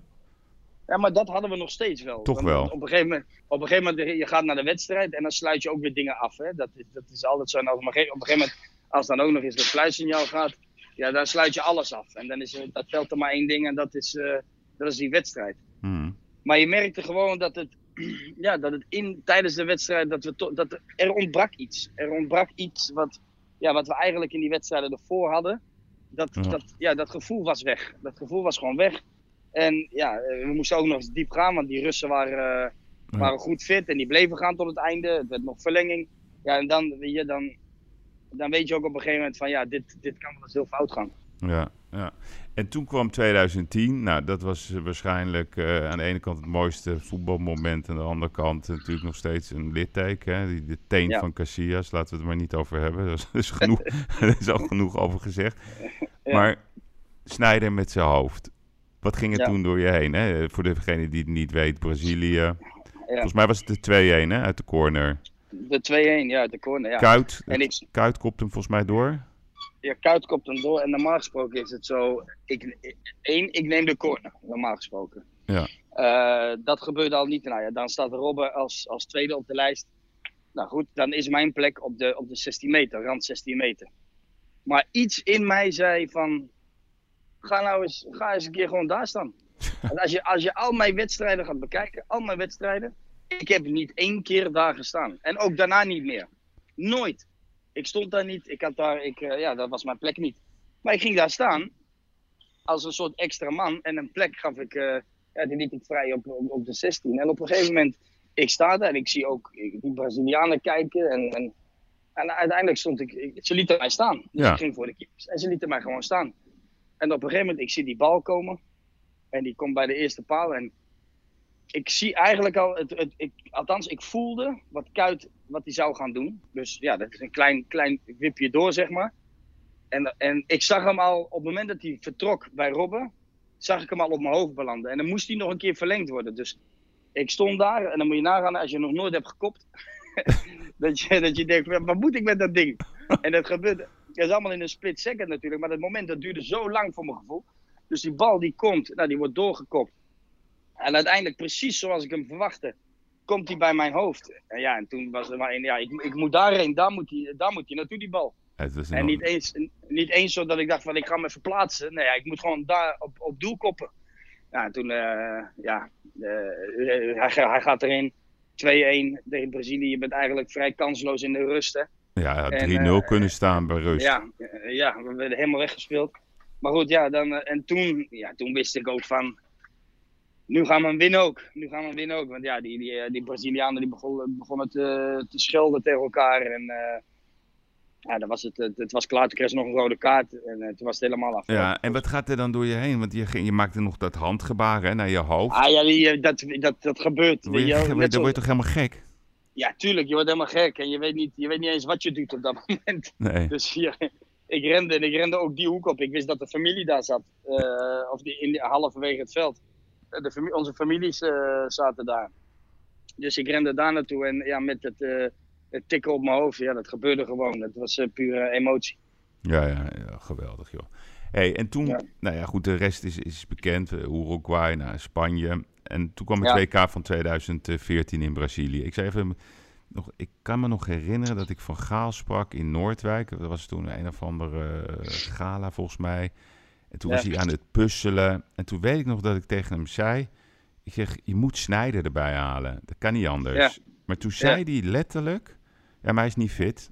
En, en, en als je dan die, die relatie van jou, hè, tussen jou en Van Gaal... Dat is altijd haat-liefde geweest. Hoe, hoe zie jij dat? Nou, dat is het ook. Kijk, tuurlijk, hij had gelijk. Ik was niet fit. Dat mhm. heb ik zelf, heb ik zelf ook uh, gezegd. Van, ik ben niet fit op dit moment.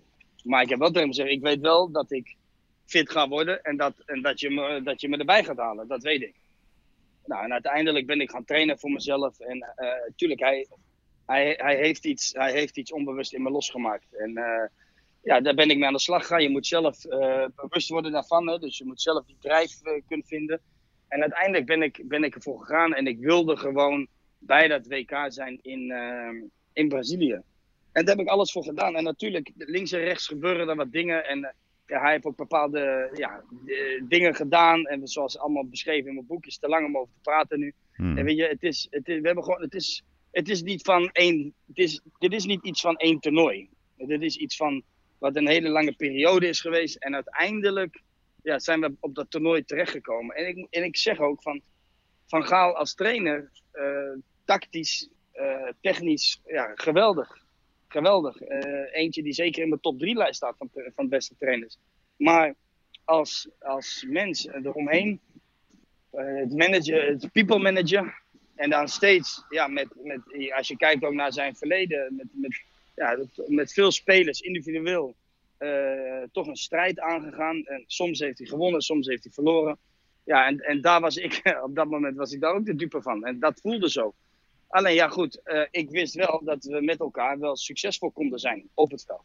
Mm. Nou, en daar, heb ik, daar, daar ben ik voor gegaan en daar heb ik alles voor gegeven. En uiteindelijk ja, resulteerde dat in een derde plek. En ja, wat natuurlijk niemand had verwacht hè, op dat toernooi. Want uh, niemand had ons door die poolfase alleen al zien komen. Maar ja, uiteindelijk hebben we toch hebben we een mooi afscheid genomen. En ik heb ook helemaal geen problemen met, met, met Van Gaal. Alleen ja, het is, het is een, een lange strijd geweest. En die, ja, die nu.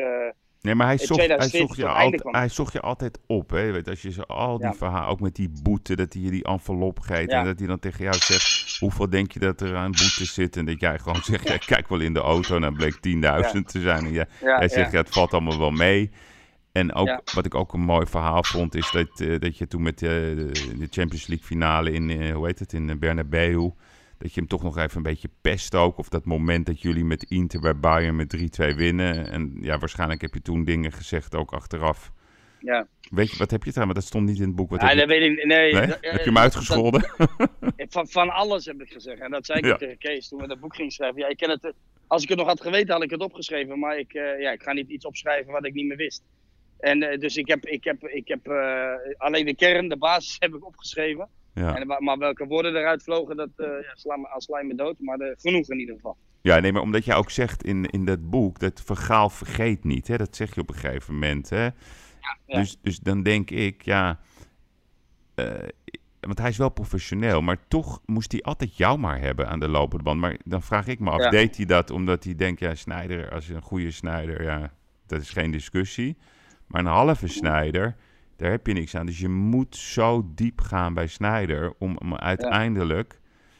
Je moet eigenlijk jou zo hard slaan, want dan weet je gewoon... Die komt altijd terug. Dan komt dat ondiep gevoel weer. Misschien dat hij dat... Ja, maar... Ja, maar, ja, maar dat is ook zo. Maar, dat, maar alleen, we zullen het nooit weten, want ik heb daar achteraf nooit met hem over gesproken. Misschien nee. gebeurt, dat nog, gebeurt dat nog wel een Zou wel mooi zijn. Het zal ongetwijfeld een keer gebeuren. Ja, ik ben daar ook wel benieuwd naar. Maar ja, op dat moment dan denk je gewoon van ja, waarom, waarom weer ik? Waarom moet hij mij weer hebben? Waarom dit? Waarom dat? En ja, uiteindelijk, uh, het gelukkige was dat ik op een gegeven moment ook zelf zo inzag dat ik niet fit was. En, en dat ik er ook bewust van was. En toen ben ik zelf ook voor mezelf gaan trainen. En ja, daar had hij gewoon gelijk in. Weet je, en dat was, iets wat ik niet wilde missen, het WK in Brazilië. En daar ben ik, daar ben ik toen vol voor gegaan. Alleen ja, ik weet achteraf nooit ja, wat nou, wat nou zijn, zijn, zijn insteek was. Ja, zijn ongetwijfeld. Ja. Uiteindelijk heeft, heeft, hij me meegenomen. En dus ja, het, het, is niet zo dat hij dan echt tegen mij was. Want anders zou hij me ook niet meenemen. Nee. Dus hij wilde me ook wel, hij wilde me fit hebben en hij wilde me erbij hebben. Dat weet ik ook. En, maar ja, het, het, is een langere periode en uiteindelijk eind goed al goed. Ik bedoel, we hebben, we hebben, we hebben een mooi toernooi samen beleefd. Maar ja, dat, dat was het ook meer niet. Want denk jij dat, stel naar voren, als jij in Amsterdam-Zuid was geboren en niet in Ondiep, denk je dat je dan ja. dezelfde carrière had gehad die je nu hebt gehad? Ja, dat weet je ook nooit. Kijk, nee, maar gewoon vanuit je gevoel.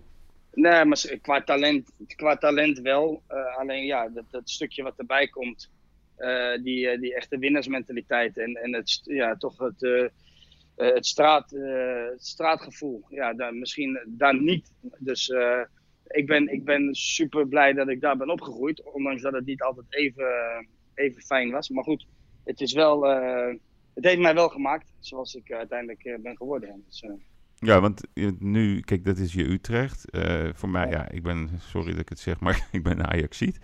Dus ja. voor mij ben je kind van de club. En dan zit je in de auto, ga je liedjes zingen. Hè, we hebben het allemaal gezien, je hebt hem zelf gepost. En, en wat mij dan opvalt, kijk, Fransje van Zeumeren. Ik heb ooit een, een, keer met hem gegolfd. Het is natuurlijk een echte baas, hè. Die, die heeft dat familiegevoel, arm om de schouder, super lieve man. En jij zegt in het boek, ja, hij vraagt mij Terwijl je daar een hele andere carrière hebt. Dat, uh, eigenlijk niet. Uh, en, en Ajax heeft je niet gevraagd. Als Ajax je wel had gevraagd, had je daar dan nu uh, gewoon lekker in de club bij Ajax gezeten? Om iets te oh, doen? Ongetwijfeld. ongetwijfeld. Voel je je beledigd dan of zo? Nee, ik voel me, niet, ik voel me helemaal niet beledigd. En dat, ik, ik heb me nooit beledigd gevoeld. En, en alleen het is er niet van gekomen. Ze zijn niet gekomen, dus ja, de, ja dan is er ook niks. En als dan FC komt en die vragen of dat je wat wil doen... En, uh, ja, dan, dan, ik stond daarvoor open. Ik was vrij, ik, ik voetbalde niet meer. Dus ik, ik kom uit Utrecht, ik, uh, ik, ik hou van de stad Utrecht. Dus ik, uh, ik, ja, en ik heb alles hier, mijn familie, mijn vrienden. Dus ik heb het enorm naar mijn zin in Utrecht. En als, mm. als je dan zo'n mogelijkheid krijgt, ja, waarom niet? En ik bedoel, ik, ik vind het mooi. Ik vind Frans een mooie, mooie vent. En ja, ik, ik, ja, weet je, en dat is. Alleen ja, dat, dat, dat videootje, dat gaat weer, dat wordt weer dat is een reactie geweest op iets wat naar buiten is gekomen van, uh, van de F-site van, van Ajax. En ja, dat... Uh, hoe, hoe, voelt dat? Dat zij zo, zo, zo heftig zijn? Ja, weet je, dat, dat, ik noem het altijd, dat zijn computerhelden. En uh, die, die zitten thuis achter een computertje en die kunnen iets de wereld inbrengen. En uh, ja, uiteindelijk halen ze nog de, de, de, headlines ook in de Nederlandse media. Wat te triest voor woorden is. Maar ja, daar kan je ook een reactie verwachten van iemand die toch vaak wel een reactie geef. En ik, ik, ik vond gewoon dat ik op dat moment, als ik word bestempeld als persona non grata in Amsterdam, in de stad waar ik uh, jaren gespeeld heb, vanaf mijn zevende tot mijn 23ste. En waar ik overigens niks tegen heb. En, en uh, met, met heel veel liefde en plezier voor die club altijd de strijd ben aangegaan. Ja, dan, dan, dan weet je ook dat je op een gegeven moment ja, ja ik, ik vond het gewoon te triest voor woorden dat je dan zulke dingen, dat die naar buiten komen. En dat heb nergens op gebaseerd ook. Helemaal nergens op gebaseerd. Ja, dan, dan, dan weet je dat je van mij gewoon een reactie kan verwachten. En, ja, En, en, dat heb ik zo ook verteld. En, en je moet het ook zien met een knipoog. Hè? Want ja, persona non grata. Wie gaat mij wie gaat mij de toegang uh, ontzeggen tot Amsterdam? Maar ik denk dat je ook daar, ik denk dat je ook met hun een keer een kopje koffie moet. Volgens mij houden ze van je. Ik bedoel, er is volgens mij geen Ajax die niet van Snijder houdt. Geen, geen oh, maar, ik, oh, maar ik, loop ook ik loop ook nergens voor weg. Ik bedoel, ik loop nergens voor weg. Ja, kijk, als zij mij willen. willen het gaat ook om eer, denk ik, weet je. Het gaat allemaal, alles draait om tuurlijk. eer. Ja. Tuurlijk, alles draait om eer. En ik begrijp het ook in deze, en dat zei ik ook tegen ze. Ik zeg, ik begrijp jullie frustratie, met name in deze periode. Want ja, je kan je frustratie niet kwijt en eh, je kan je agressie niet kwijt. En je energie niet kwijt in de stadions op dit moment. dus jij, je, je, gaat het toch ergens anders zoeken. En uh, ja, dat begrijp ik ook enigszins. Je? Alleen ja, je moet wel dan een verhaal uh, ergens op baseren. En dit was nergens op gebaseerd.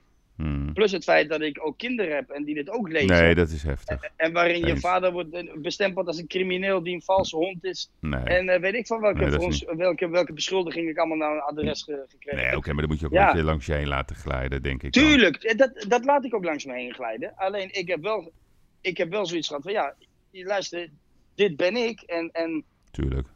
Binnen 24 uur kan je, een, kan je een reactie verwachten. Dat zat in mijn hoofd. Ja, nee, maar dat ik, zit, dat ik, zit ik, ook rijd in jou, dagelijks hè? naar Amsterdam. Ja. Ja, maar ik rijd dagelijks naar Amsterdam. Ik rijd dagelijks naar Amsterdam. En ik ben daar bijna dagelijks in Amsterdam. En als ik dat dan dat toen reed ik daar naar binnen en ik dacht van ja, dat moet, dit moet, dit moet nu gewoon. En ook wat ik zeg, ook met een knipoog, weet je wel. En Tuurlijk. ik weet zeker dat er ook heel veel mensen, ook Ajax supporters, om gelachen hebben. En eh, ja, weet je, ik bedoel, eh, lekker belangrijk. En, eh, Nee. maar Maar wat, verder is, niks aan de hand. maar wat is er nou waar van opeens... ga jij comeback maken bij Utrecht? ja, ja. nou, ik werd, gisteren werd ik, werd ik, werd ik verrast door de Utrecht supporters. Ik had bij mijn clubje DHC in Ondiep had ik een, een avond waarin we met de, met de selectie bij elkaar kwamen. Want dat mag allemaal weer, hè. kantines mogen weer, mogen weer open. Dus we, we zaten bij elkaar en er was het, nieuwe shirt passen. Dus wij moesten een nieuwe shirt passen en... eh, ja, en toen op een gegeven moment kwam er, ja, komt er echt een hele groep aangelopen. En eh, ja, dat was voor mij een verrassing. Maar ja, natuurlijk wel mooi. Kijk, als, je, als ze dat... ze komen toch met z'n allen daar naartoe en ze hebben toch een... ja, hoop, een stukje hoop. En ik, ja, ik, ik was er wel... ik, ik moet eerlijk zeggen, ik was er wel door... eh, ja, geraakt eigenlijk. Het, het, het, het raakte me zeker. ja, maar hoe fit ben je? Maar wat ik ga, wat ik ga, nee, ik ben, op dit moment ben ik niet fit. En, maar dat, eh, dat, eh, dat is logisch. Als je anderhalf jaar niks gedaan hebt, dan ben je niet fit. Ja. Maar je weet ook, ik weet ook dat als die knop omgaat, dat ik ook binnen, binnen, twee, drie maanden wel fit ben. Maar goed, dat, dat moet ik allemaal laten bezinken nog en we zien dat wel. Nou, als ik zo luister, wil je het? Nee, nee kijk, ik, nogmaals, het, het, het heeft me geraakt. En het, Ja, het, maar dat is, ja, dus- maar dat is, dat, en, en dat, ja, en dat maar soort dat dingen werkt bij jou. misschien- Dat werkt bij jou. ja, ja, dat zie je heel goed. Dat zie je heel goed.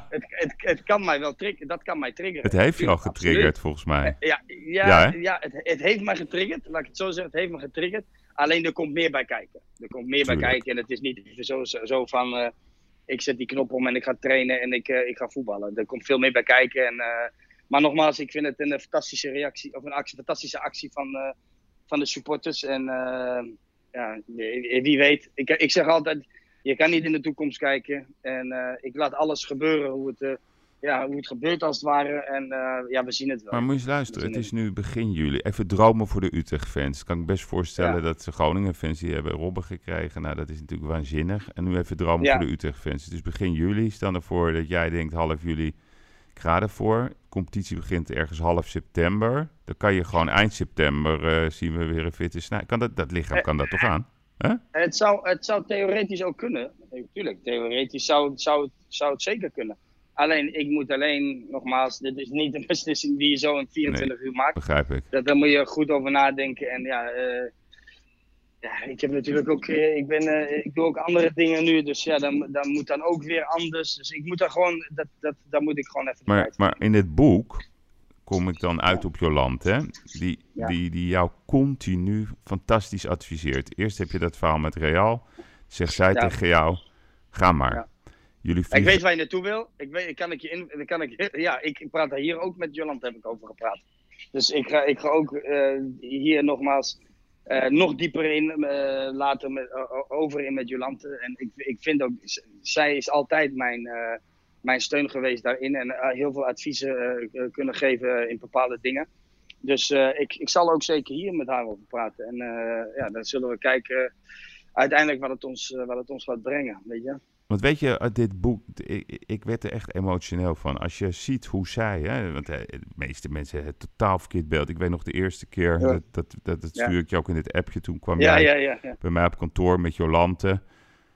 Om een blad te maken, hè, de Jolante. Alleen, ja, die, die, de, de- toen waren het de Jackies. Nou ja, die, die snapten dat allemaal niet. Toen dacht ik, ja, dat heeft geen zin. Dat wordt een gedoe en zo. Maar ik, ik was toen zo...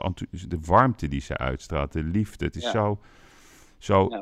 Anders hè, dan, dan, dan dat soms mensen proberen te vertellen dat iemand is. En dan zie ik in jouw boek eh, hoe zij jou ook weer naar het Nederlands elftal stuurt. Ga nou gewoon, je komt om half twee aan. Het vliegen over Ja. Bernabeu, dat ze tegen jou zegt... hier ga jij eh, volgende keer de Ja. finale spelen. Zij, zij, zij voelt zoveel meer als jouw liefde. Ook, ook als jouw, ja, ik weet niet, jouw partner in crime, je, je evenwicht, Ja, je 100 balans.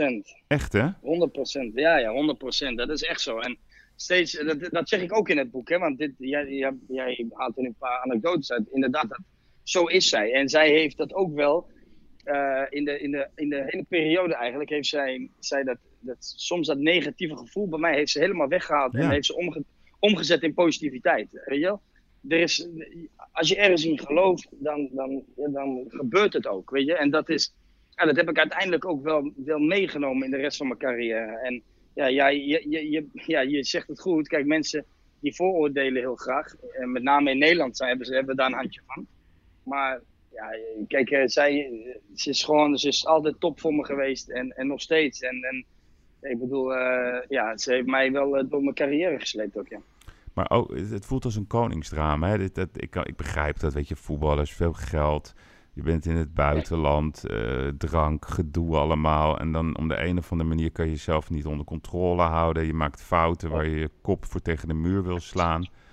Ja. En volgens mij wil jij maar één ding, weer bij elkaar zijn. Dat, dat voel ik in alles. En volgens mij zij ook. Alleen ja, hoe werkt zoiets? Ja, het, heeft, het, het, heeft tijd nodig. Het heeft tijd nodig. En weet je, en dat zeg ik ook uh, in het boek. Het heeft gewoon tijd. Natuurlijk, ik hoop het. En uh, ja, we zullen het zien uh, straks. Uh, dat, uh, we, in ieder geval, we, we, hebben elke dag, we hebben elke dag contacten, dus dat, dat zit gewoon goed. Alleen ja, we moeten kijken hoe dat, hoe dat ja, straks in de toekomst wat het uitwijst. En natuurlijk, het, is, het is nog steeds ja, de, de allermooiste persoon die, ik, die ik om me heen heb. Dus, maar vergader je wel eens met jezelf?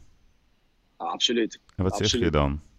Jezelf? Ja, kijk, ik, ik, heb, ik, ik heb ook een spiegel thuis. Kijk, ik ben eentje die gelukkig heel, heel goed. Uh, ik, ik ben zelf kritisch. En uh, ik weet ook zeker wel. Alleen ik heb.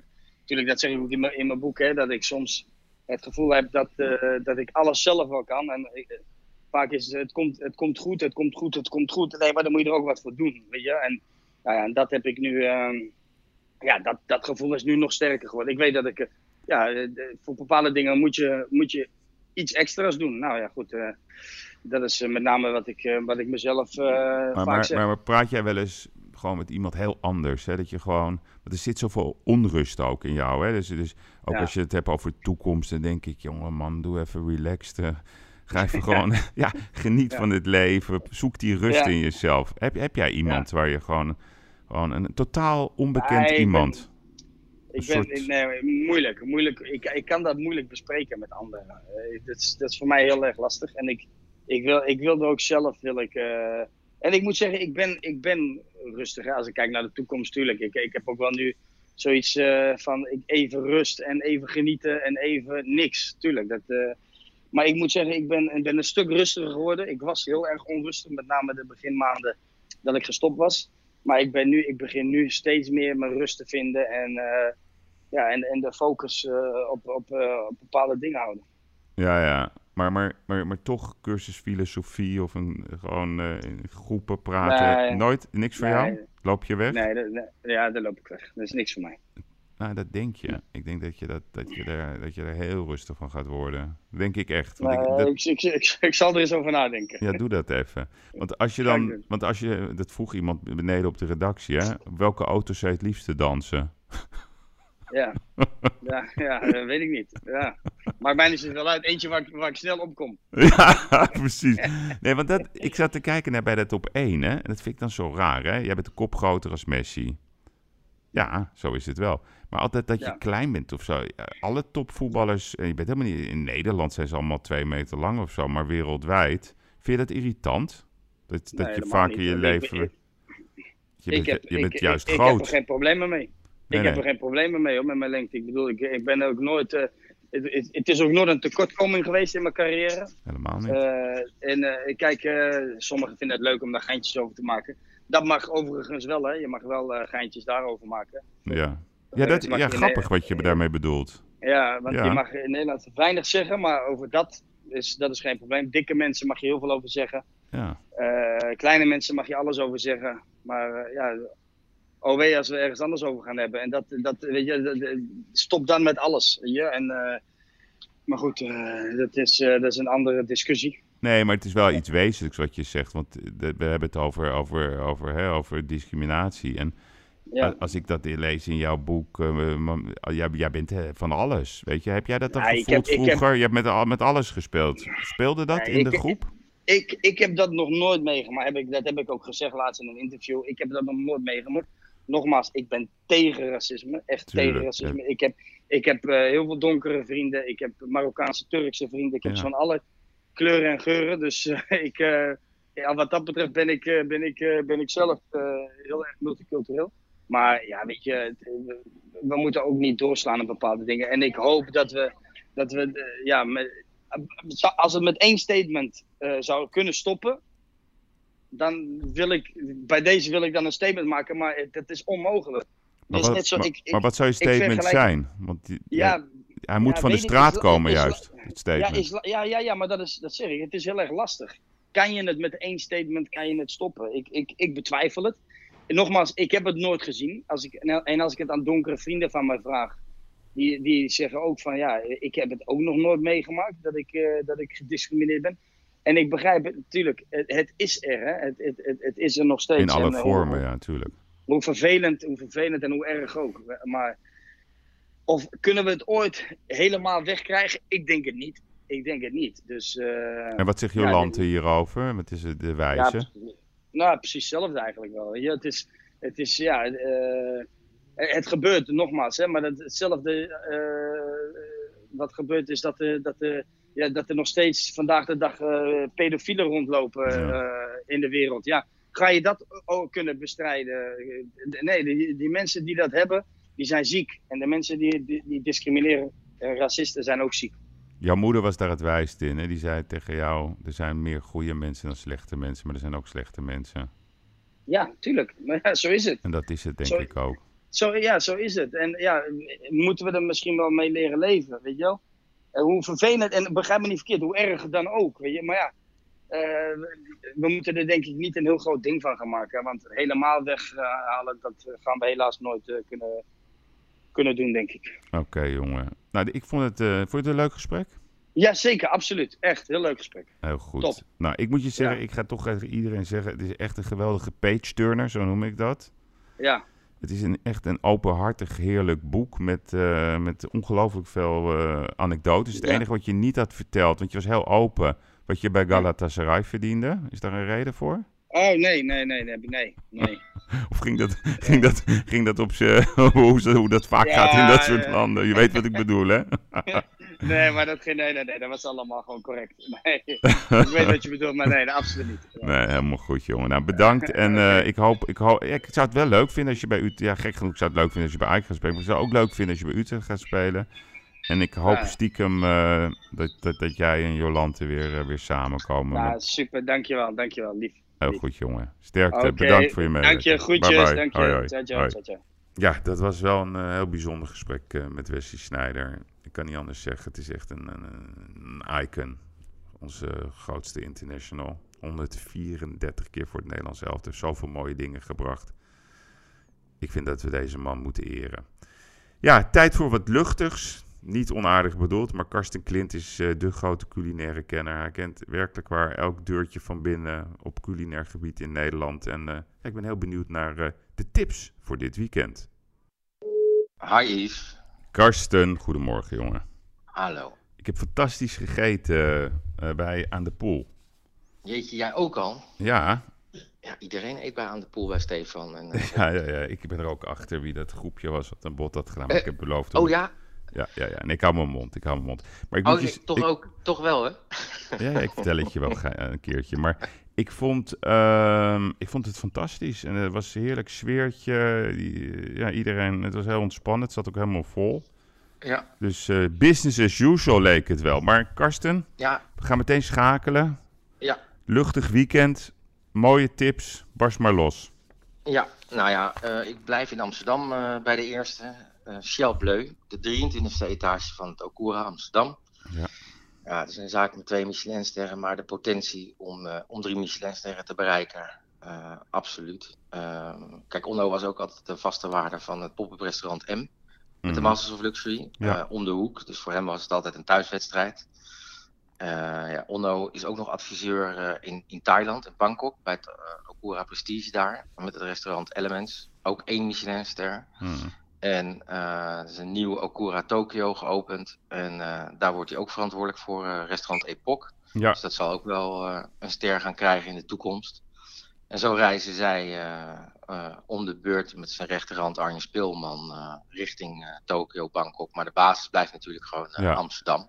Ja, het is een uniek, uniek, unieke view ook. En, en prima geschikt ook voor de anderhalve meter toestand. Ja, absoluut. Nou, ik zal je vertellen dat uh, vorig jaar uh, zijn zij van de capaciteit van 60 couverts naar 40 gegaan maximaal. Ja. Omdat zij uh, ja, ook gewoon geen concessies willen doen in nee. service en in kwaliteit van de gerechten. Ja.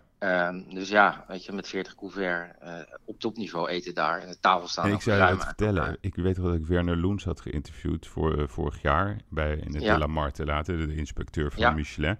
En toen had ik het nog even over hem, met, over Shell Bleu. En ja, die man zegt natuurlijk niks. Die laat nooit zijn kaarten zien. Maar toch kon ik aan zijn gezichtsuitdrukking zien dat hij hun wel als een potential zag. Zal ik jou een geheimpje, zal ik jou een geheimpje vertellen? Ja, doe maar. Werner Loens is uh, s'avonds met de directeur van uh, de Gidsen Internationaal en zijn team... hebben zij s'avonds bij Okura gegeten. Mm dus ja, dat zegt nogal wat. Ja, inderdaad. ja, ja maar uh, het, het Okura is, is vorig jaar ook uh, voorafgaand aan de presentatie en na de presentatie hebben ze twee evenementen gehad. Eén voor de Pied Gourmand uh, restaurants en één voor de sterrenrestaurants. Mm. Een groot, groot, groot gala georganiseerd in het Okura. En dat is ook de komende twee jaar daar de thuisbasis van Michelin. Ja. Om ja, voor de restaurants, de restaurateurs, de mensen uit de hospitality, daar de evenementen te organiseren. Okay. Helemaal goed. Dus, uh, Nummertje 2. Ja. Nummertje 2. Ik ben streng vandaag. Nou ja, je zit er inderdaad bovenop. Uh, nummertje 2. Katzand, Zeeuws Vlaanderen. Ja. Pure Sea. Zit er al 10 jaar. En na 10 jaar hebben ze de, de, de zaak compleet dichtgegooid. Uh, alles verbouwd. in december hebben ze dat gedaan. Van dit jaar? Dit, nou, vorig jaar, dus, dus december vorig jaar. En mm. ze zijn eigenlijk zes weken voordat de restaurants open moesten, dicht moesten in maart, uh, zijn ze weer open gegaan. Um, en toen moesten ze weer dicht. Maar ja, uh, niks aan de hand. Ze hebben alles weer kunnen fine-tunen. Het zit weer barstens vol daar aan de kust. Alle zaken aan de kust zitten vol. Ja. En uh, Circo is samen met Sergio Herman natuurlijk, want hij is daar ooit een keer op 22-jarige leeftijd bij Oudsluis, wat toen drie sterren had, binnengekomen. En werd toen verantwoordelijk voor Pure Sea. Hmm. Heeft nu twee uh, Michelinsterren. Um, hebben ze besloten om te stoppen met vlees in de, mus, in de menus. En uh, die, die beslissing die hebben ze samengenomen tijdens de renovatie van het restaurant. Hmm. En ze, hebben, ze zeggen zo van ja, het is logisch, want gezien de ligging van het restaurant aan het water, veel schaal schelpdieren, vis, veel producten van het Zeeuwse land. Dus uh, ja, ja dat is ook nee, ik, zeg, ik heb vorige zomer bij Pure Sea gegeten, maar ik, ik was even in de veronderstelling dat het een buitentent was. Oh, dus wij kwamen aan met onze korte broeken en een t-shirt en slippers. nou, dat is ook uniek voor jou. Ja, nou ja, valt wel mee hoor. Maar, um, dus ja, wij gingen maar zitten. Maar dat was echt geweldig. En dat hotel, het strandhotel, wat er aan, ja. aan gekoppeld is, dat is, dat is een plaatje geworden. Ja, Dat die zit ook, eh, helemaal ram en ram vol hè, voor deze zomer. Dus je ziet wel die trend. ehm, en dat moeten we, vind ik, ook met z'n allen blijven roepen. Eh, vakantie in, in Nederland, eh, elkaar de handel gunnen, elkaar helpen. Ik had Ja. van de week bijvoorbeeld een drukkerij bij mij op bezoek. Die zei, er zijn nog steeds loterijen die, die laten alles drukken in, in verre landen. Ja. Nee, dat zei ik ook. Dus dat zijn de bekende loterijen die ook nog eens eh, een beetje, eh, zeg maar, een stichtingachtig gevoel hebben. Ik vind ook dat we dat moeten stimuleren, bij elkaar eten, eh, spulletjes bij elkaar kopen. Want ja, dat toerisme dat gaat toch nog wel even duren. Dus Ja. ik, ik kan niet anders aanbevelen. Ik neem aan dat je mijn mening deelt. Dat Absoluut. vakantie vieren in Zeeland, dat is echt gewoon, is gewoon een feest. Ja, het is gewoon zomer in eigen land, Ja. maar wel met het gevoel van vakantie, absoluut. Ja, helemaal goed. Oké, dus helemaal goed. Ja. Eh, En dan de laatste. De laatste van de de, dag laatste, voor het de weekend. laatste, de laatste voor het weekend. Ja, dat is er niet één, maar er zijn er meteen vier. Hm. Want er zit een ondernemer, en dat is een alleskunner, dat is Adriaan Zarzo. Ja, Eh, rijk verleden in de internationale culinaire wereld heeft deze in Spanje geboren eh, jonge, charismatische man. Die was in 2008 souschef bij de Liberijen, drie sterren van Johnny en Therese. Mhm. En die maakte toen een opmerkelijke overstap naar de bediening als sommelier. ja, ja. Prijzen meegewonnen, fantastische kennis. En die kennis van hem die was weer een enorm plus om de juiste wijnen bij gerechten te kiezen. Ja. En die ging, in 2013 ging die eigen ondernemer worden. Opende zijn eerste restaurant Zarzo. Dus mhm. naar zijn achternaam in Eindhoven. Krijgt in 2015 meteen een Michelinster. En een indrukwekkende wijnkaart, uiteraard, met uh, ruim 2000 items. Dat kan natuurlijk ook niet anders, uh, door zijn liefde voor de wijn. Maar het is, het is ook nog een keer een ondernemer. Want uh, hij is uh, daarna gestart met een vriendin van hem, die hij heeft leren kennen in de Liberij, een goede vriendin, Sunny mm. Devens. zijn ze het concept uit gaan breiden, is bij Sarzo Imperium ontstaan. Ja. Want uh, vlak bij de zaak gaat in 2016 Valencia open. Ik denk een knipoog naar de geboortestad volgens mij van uh, Adriaan. En het is een Spaans-Aziatisch gastro-tapas concept. En daar staat shared dining centraal. Nou, ook die zaak wordt door Michelin onderscheiden in 2017 met een Bib Gourmand. En mhm. dat is dus de prijskwaliteit uh, aanduiding. Ja. Nou, en als het nog, niet genoeg was, openen ze in 2018 Sun bij Sarzo. Dat is een Frans-Mediterraans concept. En nog een wijnbar, Bodega bij Sarzo. Ja, ja, ja. Dus je kunt daar in een straal van een kilometer volgens mij in Eindhoven... kan je gewoon overal voor terecht. Ja. Maar het is allemaal betaalbaar. Het is sfeervol. Het is, het is, het is ja, alle concepten uh, vertegenwoordigd hij. Dus dat was eigenlijk mijn laatste tip. Maar er waren er wel meteen vier. Ja, nou, ik, ga, ik, ja, ik ben zelf... Uh geweest ja, bij Show Bleu. Puur C ga ik ook deze zomer natuurlijk uh, bezoeken. Dat moet gewoon. Ja. Maar ik ga dan toch uh, jouw advies volgen. Die ik, nog, ik ga naar Zarso, want die, heb, die ken ik nog niet. Dus ja.